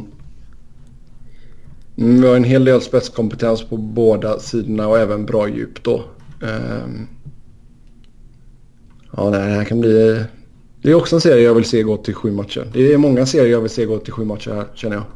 Alla förutom Vegas San Jose. um, nej men så är det och liksom det, det som är mest intressant här är ju såklart första kedjan mot första kedjan. Mm. Där eh, går det liksom att avgöra vilken som är bäst. Nu har väl Boston ett litet övertag för att jag misstänker att Steven Stamkos inte är helt fräsch. Men eh, nu har han fått vila lite, det räcker kanske. Mm. Eh, och se de två gå upp mot varandra kan ju bli hur skoj som helst. Nu bör väl rimligtvis Tampa Bay kan jag tänka mig vara lite mer intresserad att komma bort från Bergeron-kedjan än vad Boston är att komma bort från eh, Stamkos-kedjan med respektive första kedjan så att säga. Ja. Men eh, de kommer ju gå head to head jävligt ofta känns det som. Och det kan bli sjukt skoj. Absolut. Eh, Sen vet fan vilka man håller som favoriter. Jag, här känns det verkligen vidöppet. Mm. Eh, under stora delar av säsongen tidigare skulle man ju sagt Tampa. Sen mot slutet började de vackla lite och Boston brummade på som satan. Så då skulle man ju sagt Boston. Eh, men nu känns det ändå som att det är fan helt öppet. Ja. Ja. Nej, får, får sen, se sen är det då också att vi... Är det så att Stamkos inte är helt fräsch, vilket man kanske kan misstänka. Eh, kanske kan vara någonting med Hedman också. Eh, eller så är han bara kass. Och antingen det något fel på honom eller så har man ett jättesparkapital beroende på hur man väljer att se på saken. Ja, exakt. Men de har, nu har de fått en ny sån här triplet-kedja ju. Och den ser ju fantastisk ut också. Braden Point har ju tagit superkliv är ju så jävla bra. Ja. Uh, bra försvar, bra djup, massa olika spelartyper de kan använda sig av på olika sätt. Och uh, i ett slutspel kan de till och med ha lite nytta av Ryan Callahan till exempel. Så de har ju jättemånga vapen. Problemet är ju att Boston har det också. Ja, herregud. Ja. Den första kedjan är perfekt komponerad känns det som. Uh, andra tredje kedjan har de fått att funka på ett bra sätt. Uh, har tre kedjor som de utan problem egentligen slänga ut mot vilken motstånd som helst och bara snurra. Tror du Girardi drar ner Hedman? Ja, det gör han ju med alla han spelar med. Så det är, så, alltså släng upp Sergachev där istället så blir det åka av för Hedman. Då kommer han bara pumpa in poäng. Eller så behöver de Hedman jämte Girardi för att eh, kompensera. ja, det är mycket möjligt. Mycket möjligt. Nej, det blir en spännande fight där absolut. Sen eh, Washington-Pittsburgh. Schysst litet eh, hatmöte där. Ovechkin mot Crosby, bla bla bla. Det är så jävla uttjatat. Ja, det är det. Men tro fasen att vi fick de headlinesen direkt när det stod klart att de här två kommer gå upp till varandra. Jo, det är ju oundvikligt. Det är liksom de två största affischnamnen i den här eran som går upp mot varandra för 51 gången. Det är klart att det är det man kommer fokusera på liksom. Ja. Oavsett vad Chris Letang och Jevgenij Malkin och John Carlson och Jevgenij Kuznetsov och Bäckström och alla vad de heter tycker. Så är det ju mm. Ovi versus Crosby. Ja. Och här är ju frågan också liksom, hur mycket kommer de egentligen se av varandra på isen. Det, jag tror inte det blir sådär jättemycket. Alltså, ja. Pittsburgh tror jag egentligen de borde inte behöva bry sig ett skit om vilka de får ut på isen så länge det är någon av de tre första kedjorna. Nej, Nej men alltså jag, jag tror ju att du kommer få se mycket Bäckström mot Crosby. Ja, från Washingtons håll borde det vilja vara så tror jag. Mm. Uh, Ska vi säga att Malkin och Hagelin är borta i match 1 för Pittsburgh? Ja, och det är ju lite uh, tapp såklart. Ja. Och man vill ju hoppas och tro att uh, Philadelphia på något sätt i alla fall kunna bidra till att Pittsburgh i alla fall åker ut i andra rundan. Mm. Men äh, även här är det ju en lite intressant målvaktsmatch. Ja, alltså som sagt Holtby har ju varit riktigt bra men fick ju inte starta. Grubauer fick ju starta de två första matcherna. Ja, men det är liksom två målvakter som i grunden är bra målvakter men som båda gick in i slutspelet med långt ifrån ultimata förutsättningar. Oh ja. Där Matt Murray kommer från en medioker säsong och även om han såg jävligt bra ut i första matchen så har han darrat sen dess också. Han har gjort många fantastiska räddningar men han har släppt några mål. Hållit nollan sett lite skakig ut, släppt några mål och sådär liksom. Eh, Holtby som sagt fick inte ens börja som första valet. Kom in som du sa tidigare efter halva andra matchen och sen så tog han över från match tre och vann fyra raka. Så eh, Frågan är om båda två har lyckats koppla på nu eller om det kommer fortsätta se lite skakigt ut. Mm. Och är det någon av de två som ser skakig ut så kan ju det mycket väl sänka det egna laget. Oh ja, absolut. Man tänker Sen alltså... båda lagen har ett tufft motstånd. Ja, ja, herregud. Sen blir det ju alltså, jag har inte varit helt supersåld på eh, Capitals första kedja med uh, Ovechkin, Kuznetsov och Tom Wilson. Um... Man kommer aldrig någonsin vara supersåld på en första kedja som innehåller Tom Wilson. Nej, Nej men det äckliga är ju att han gått in och gjort ett par viktiga mål. Alltså efter att ha varit... Men grejen är att om, om, om du väl... Att ha onödiga utvisningar. Ja. Men grejen är att om du väl har tagit dig till NHL och blivit en eh, ordinarie NHL-spelare. Går du i första rundan så är du i grunden en duktig spelare liksom. Eh, även sådana här enforcers och grinders och sånt skit som huserar långt ner i hierarkin har ju i väldigt många fall gjort väldigt många poäng eh, när de var yngre liksom. Jo. Så i grunden kommer du förmodligen vara en helt okej fo eller fotbollsspelare höll jag på att säga. Men hockeyspelare, du kanske är bra på fotboll också, men hockeyspelare. Och eh, spelar man då med så enormt skickliga kedjekamrater så kommer du ju, om du inte heter Milan Lucic, oundvikligen göra en del poäng känns det som. Ja. Eh, men med det sagt så är han givetvis förkastlig och usel och sämst av alla. Jo, så, och sen liksom det sättet han liksom trots pratar om honom och allting. Och liksom, ja, jag, jag förstår det inte riktigt. Jag gör inte det. Men men. Nej. Det var det. Uh, Bäckström centrar i andra serien då såklart uh, med Oshie de kan ju också ställa till det lite grejer och sen är man ju livsfarlig då i PP. Uh, så där, där gäller det att Penguins håller sig borta från utvisningsbåset i alla fall. Då har man mycket, mycket vunnet.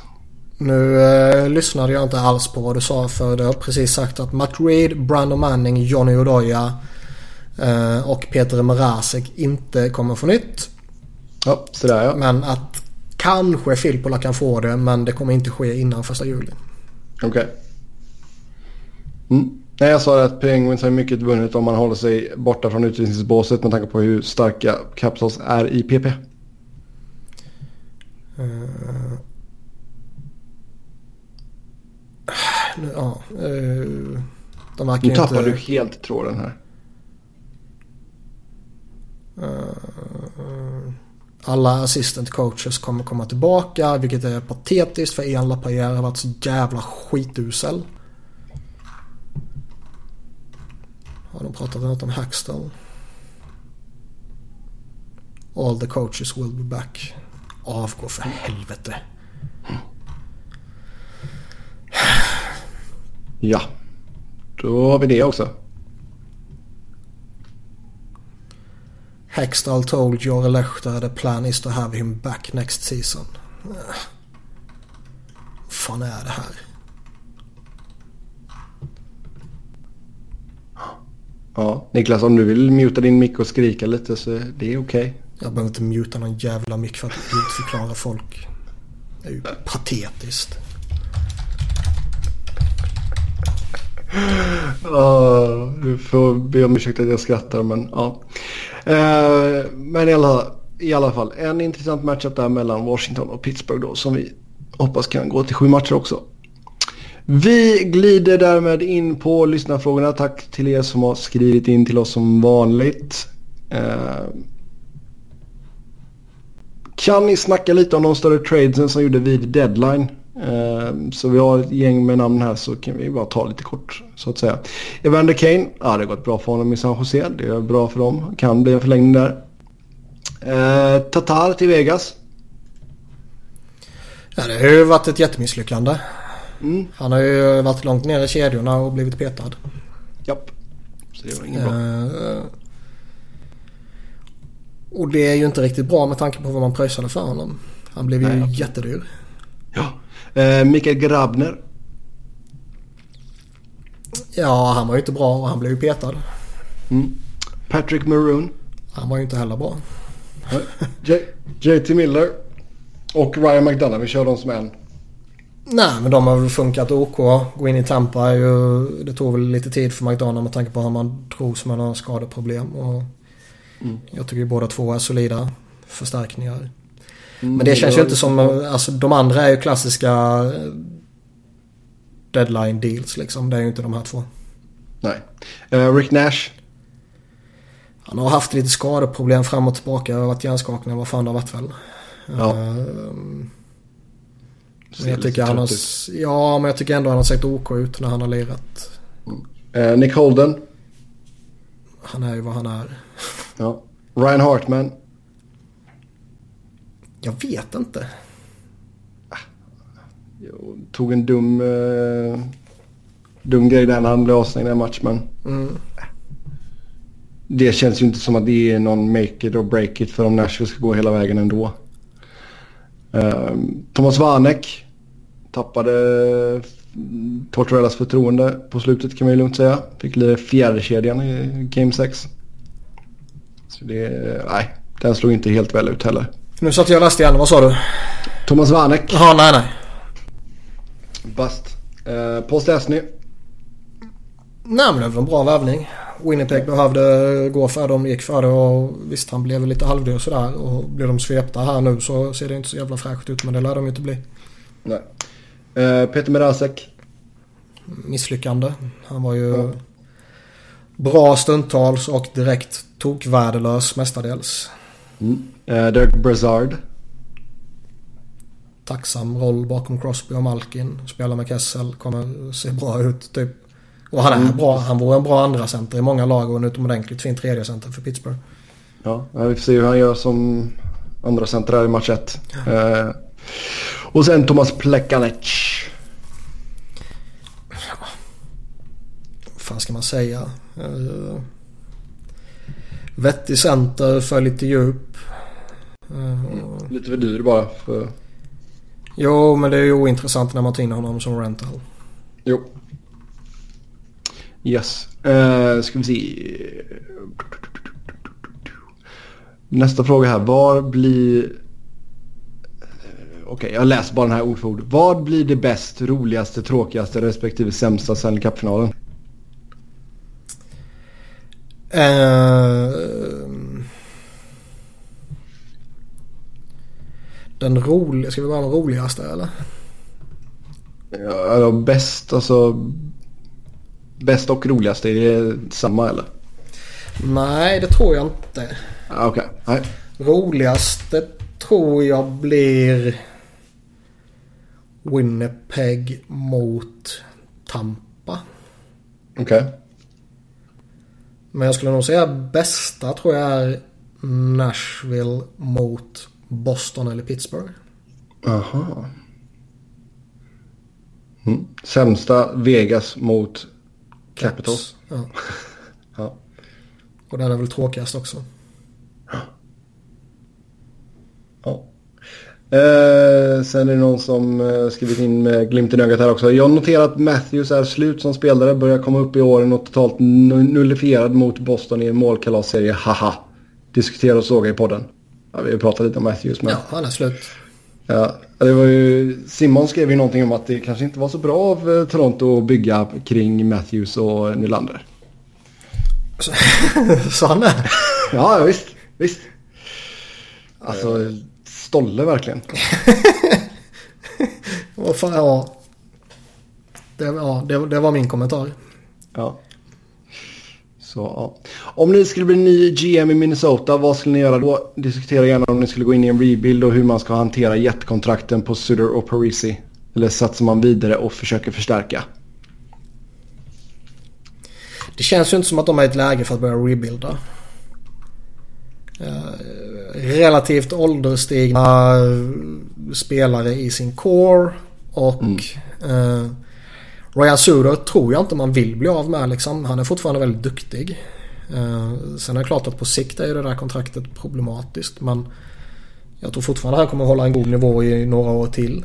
Jo men kan inte han bli lite av Chara 2.0 liksom? Jo, något sånt. Uh, Paris... Uh, kan man ju inte göra något med. Det är liksom en, två, tre, fyra, fem, sex, sju år kvar. Och det är ju typ svälj de åren. Ja. Hoppas han blir så skadad så att du kan sätta honom på long term injury reserve i sex eller sju år. Jo, lite så faktiskt. För liksom köpa ut och grejer kan man ju inte hålla på. Det blir ju åt helvete för dyrt. Ja, ja, det går ju inte. Nej, och sen har du Koivu är lite gammal också. Uh, fick ju en förlängning här, går ner lite i lön. Och cap. Uh, ja. Alltså vad jag tror de ska göra, de, de ska fortsätta på det de har. Slussa in de här unga som vi nämnde tidigare med Kunin och Greenway och sådär. Uh, se vad det leder. Ja det, jag, ser, jag ser egentligen inte att de kan göra något annat. För ska man liksom börja rebuilda och spränga hela skiten då... Det känns, jag känns inte som att de kan det. Nej, exakt. Nej. Nej. Stay the course helt enkelt. Försöka göra det bästa av situationen. Det är vad vi hade gjort. Um, vad kan de tre checkerna i Flyers ge i utbyte i sommar? Uh,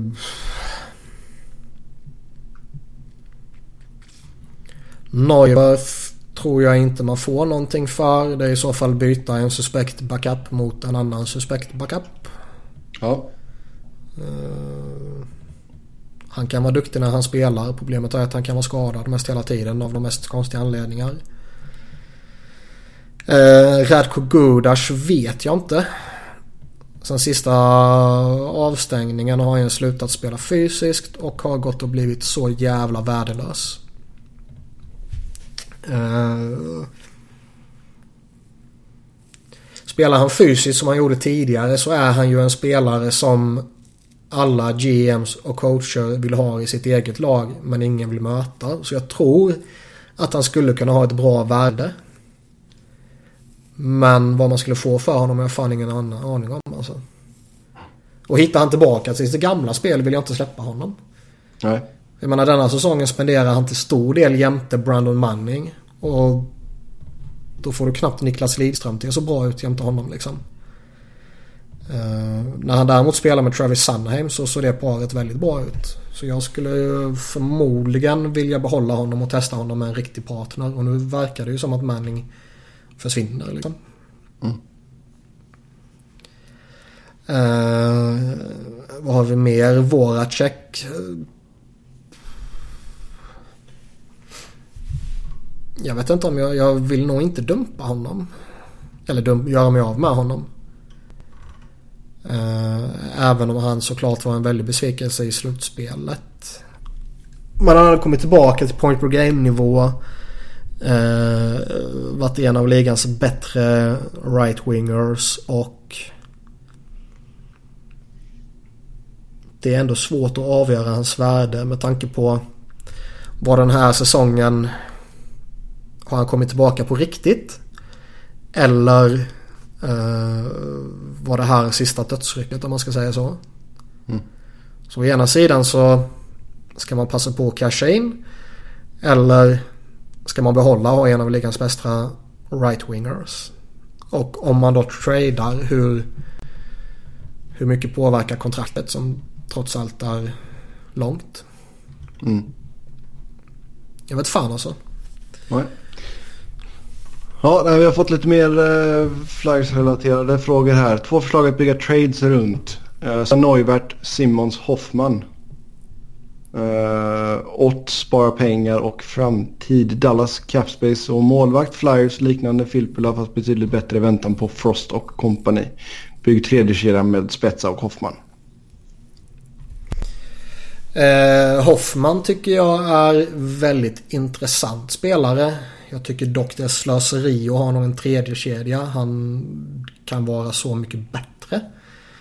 Uh, Jason Spetsa. Uh, eh, tilltalas jag inte jättemycket av. Men visst kan man ta honom ett år bara och ha som han skriver här i väntan på andra så absolut. Jag skulle däremot inte ge upp några tillgångar för honom men Neuwirth är såklart ingen tillgång. Jag menar alltså prospects eller pix eller något sånt där. Och det känns mm. som att Dallas kommer inte bara skänka bort honom. Nej. Uh, Simons Hoffman kan väl vara intressant och... Ja. Mm. Vi får se nu vad Hextall hittar på. Um, Sen är det någon som vill se din syn på Giroux tackling på Hagelin. Tacklingen, hur den gynnar laget och så vidare. Den verkar ha fått helt fel effekt. Då många Pittsburgh-spelare har snackat om hur det tände laget och liksom nu ska vi vinna för Hagelin. Mm.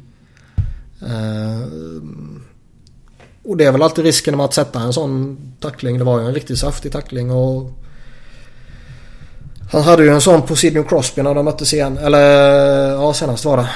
2012 där. Eh, som typ definierade den matchserien på något sätt. Mm. Nu satte han en ny tackling som också på ett sätt definierade den matchen och eh, tände Pittsburgh istället. Vilket också får en att resonera kring liksom har de tacklingarna någon funktion överhuvudtaget liksom? Nej, kanske inte. Uh, fokusera på att ta pucken och göra mål istället för att tacklas, säger jag. Ja, det kan jag vilja hålla med om. Nästa fråga här. Vilket lag har den bästa supportcasten när man tagit bort de två bästa backarna och de tre bästa forwardserna? Forwardsen. Eh, Tampa. Tampa ligger bra till. Tar man bort de två bästa backarna Hedman och eh, vem har vi näst bäst? McDonough eller Strålman? McDonough skulle jag nog vilja säga ändå. Kvar Strålman och Sergachev och Coburn är ändå OK. Eh, Jake Dutchin är OK. Dan Girardi är legendary. Eh, och var det två bästa forwards? Nej, tre. Tre. Ta bort Stamkos, Kucherov och Callahan, eller? Får sluta skämta här nu. Nej, men ta bort de två och typ vem som helst av de andra så har du ändå eh, en handfull jävligt bra forwards kvar. Och uh, Winnipeg? Ja, både Winnipeg och Nashville kanske kan vara där. Nashville är ju rätt uppenbart med deras försvar. Lite mer tveksam kring forwards kanske. Mm, det kan bli jobbigt om du tar bort de tre bästa. Ja, men inte kaosartat heller tror jag. Nej. Winnipeg eh, lite tvärtom tror jag. Eh, ta bort tre toppforwards så ser det ändå väldigt fräscht ut. Mm. Ta bort två forwards så ser det, eller två backar så ser backar. det lite skakigt ut. Ja. Ta bort liksom Big Buff och någon av Truba eller Myers typ. Eller Morrissey. Så, ja. Nu ringde mamma. Sådär ja. Skön ringsignal. Mm. Ehm, ja, Pittsburgh kanske. Det blir för eh, dåligt i... eh, Ja, alltså plocka bort Letang. Ja, det är sig sant. Och visst, nu vann de utan honom. Men ändå, Ja. plocka bort Letang räcker ju bara det. Och sen plocka bort Crosby, Malkin och Gessel. Så står du kvar med Derek Brassard och Jake Intzel typ. Ja, jo det är sant. Och då är det inte så jävla sexigt. Nej. Ehm, Boston. ja, ta bort första kedjan, ja. Chara och Krug typ. Ja, ja, den är jobbig också. Det är inte så många lag som klarar av det. Nej, nej det är det inte. Det är inte. Men vad sa vi? Vi Mm. sa Tampa, Winnipeg och Nashville typ. Där Ja. egentligen... Där jag bara egentligen tycker det är Tampa som är sådär självklart. Ja, det är sant. Eh, vem ser ni som första rundans MVP och har ni någon favorit till Conn Smythe Trophy? Kucherov självklart där uppe med tanke på att han har pissat in poäng. Eh, Fleury för spelet han gjorde. Eh, Jag tycker inte igen... Om man bara tar första rundan så tror jag inte man kan säga någon annan än Flurry. Crosby? Nej. Nej. Alltså inte för att Crosby var dålig på något sätt men de hade ändå Jake Intzel och, och liksom Jo, det är sant. 17 andra spelare som är skitbra. Och Boston samma sak där. Hade en helt eh, gäng bra spelare och samma med Tampa liksom. Men Vegas. Där Ja, var. Fleury så extremt jävla framträdande i en matchserie som typ uteslutande handlade om målvaktsmatchen. Ja. För det skulle men- varit på normal nivå. Då skulle ju Quick tagit LA vidare. Ja, Förmodligen. förmodligen. Förmodligen, förmodligen. Okej, nej, men vi ger den till Fleury då. Uh, Conn Smythe. eh, ska vi säga en spelare varje lag som är kvar? Ja, Kan ju, ja, Fleury i Vegas då. Mm. Eh, om vi går till San Jose som de möter här nu. Eh, Jones får man väl säga där då. Okej. Ehm, sen Nashville. Nashville. Eh, ja. Austin Watson och Carlton Sisson har gjort mest poäng för dem ju. Ja. Forsberg gjort eh, fyra plus två. Men jag vet fan. Pekarinne tycker jag väl inte har varit det. Nej.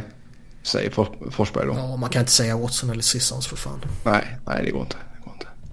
Ja, Winnipeg. Eh, Scheifele kanske? Scheifele. Eller Buff. Ja, jag är mer sugen på Scheifele tror jag. Okej. Ja, då kör vi Scheifele där då. Uh, Eastern Conference, Tampa. Kucherov. Um, Ja. Boston. Ja, eh, man kan väl egentligen inte säga något annat än Pasternak. Även om det känns som att han gjorde alla sina poäng i en match. Ja, hälften nästan i alla fall. ja, men det, man får väl säga han. Ja. Ehm, sen Washington. Eh, det är väl Holtby man får dra till med. Jag skulle väl säga han eller Ovechkin. Ja, Ovechkin, John Carlson tycker jag varit duktig också. Men mm. eh, det känns som att laget stabiliserades på ett annat sätt när Holtby kom in. Jo. Och sen Pittsburgh. Ja, här tycker jag Pittsburgh, eller Pittsburgh är mm. solklar höll på att säga, men Crosby är solklar. Ja, jo, det, det blir ju honom. Det... Går, alltså det är ju det som är grejen. Går Penguins och vinner igen så blir det Crosby. Så enkelt är det. Det spelar ingen roll vad som händer. Uh, vad, vad sa du? När läste jag igen? Nej men alltså om, om, om Pittsburgh går och vinner igen så blir det Crosby. Det spelar ingen roll för att Günzel typ gör 10 pinnar mer. Det blir Crosby. Uh, ja. ja. Så så är det med det. Uh, vilken blir nästa borderline NHL-spelare som blir klar för VM? Uh, då är det tänket typ Odoja och Talinder istället för Klingberg och Lindholm. Uh, ja. Jag vet inte. Det känns som att de har fullt upp truppen så pass mycket nu så att de som ska komma in är ju riktiga spelare. Ja, känns lite så. Vi har svenskar i samtliga lag förutom Boston va? Eh, ja, av de som är utslagna så är det väl så. Ja. Alltså, de, de verkar inte ens ha frågat Bratt till exempel. Eh, Nej. Det känns som att de redan fyllt upp truppen rätt saftigt. Så det känns som att de sista platserna sparar de utav de riktigt stora namnen tror jag. Mm. Kempe ska med, det är bra. Uh. Nej, bra. Bra. Får in lite, lite mer flow. Uh. Fan vad lik han har gått och blivit sin eh, storebror. Det är mycket möjligt. Jag har faktiskt ingen aning. Ja. Nej, det är helt sjukt. Det är nästan så de kan vara tvillingar nu. Så det är, ja, det är alltid någonting. Mm. Kempebröderna. Kul. Mario lirar slutspel med uh, Tucson Roadrunners. Tucson. Uh, med det så tar vi väl och säger tack och adjö för den här gången. Uh, som vanligt kan ni köra hockey med oss via Twitter. Mig hittar ni på ett Noren. Niklas hittar ni på ett Niklas Berg, Niklas Museet och Enkel V. Och Robin, om ni vill följa honom eller avfölja honom, ER underscore Fredriksson. Tills nästa gång, ha det gött. Hej!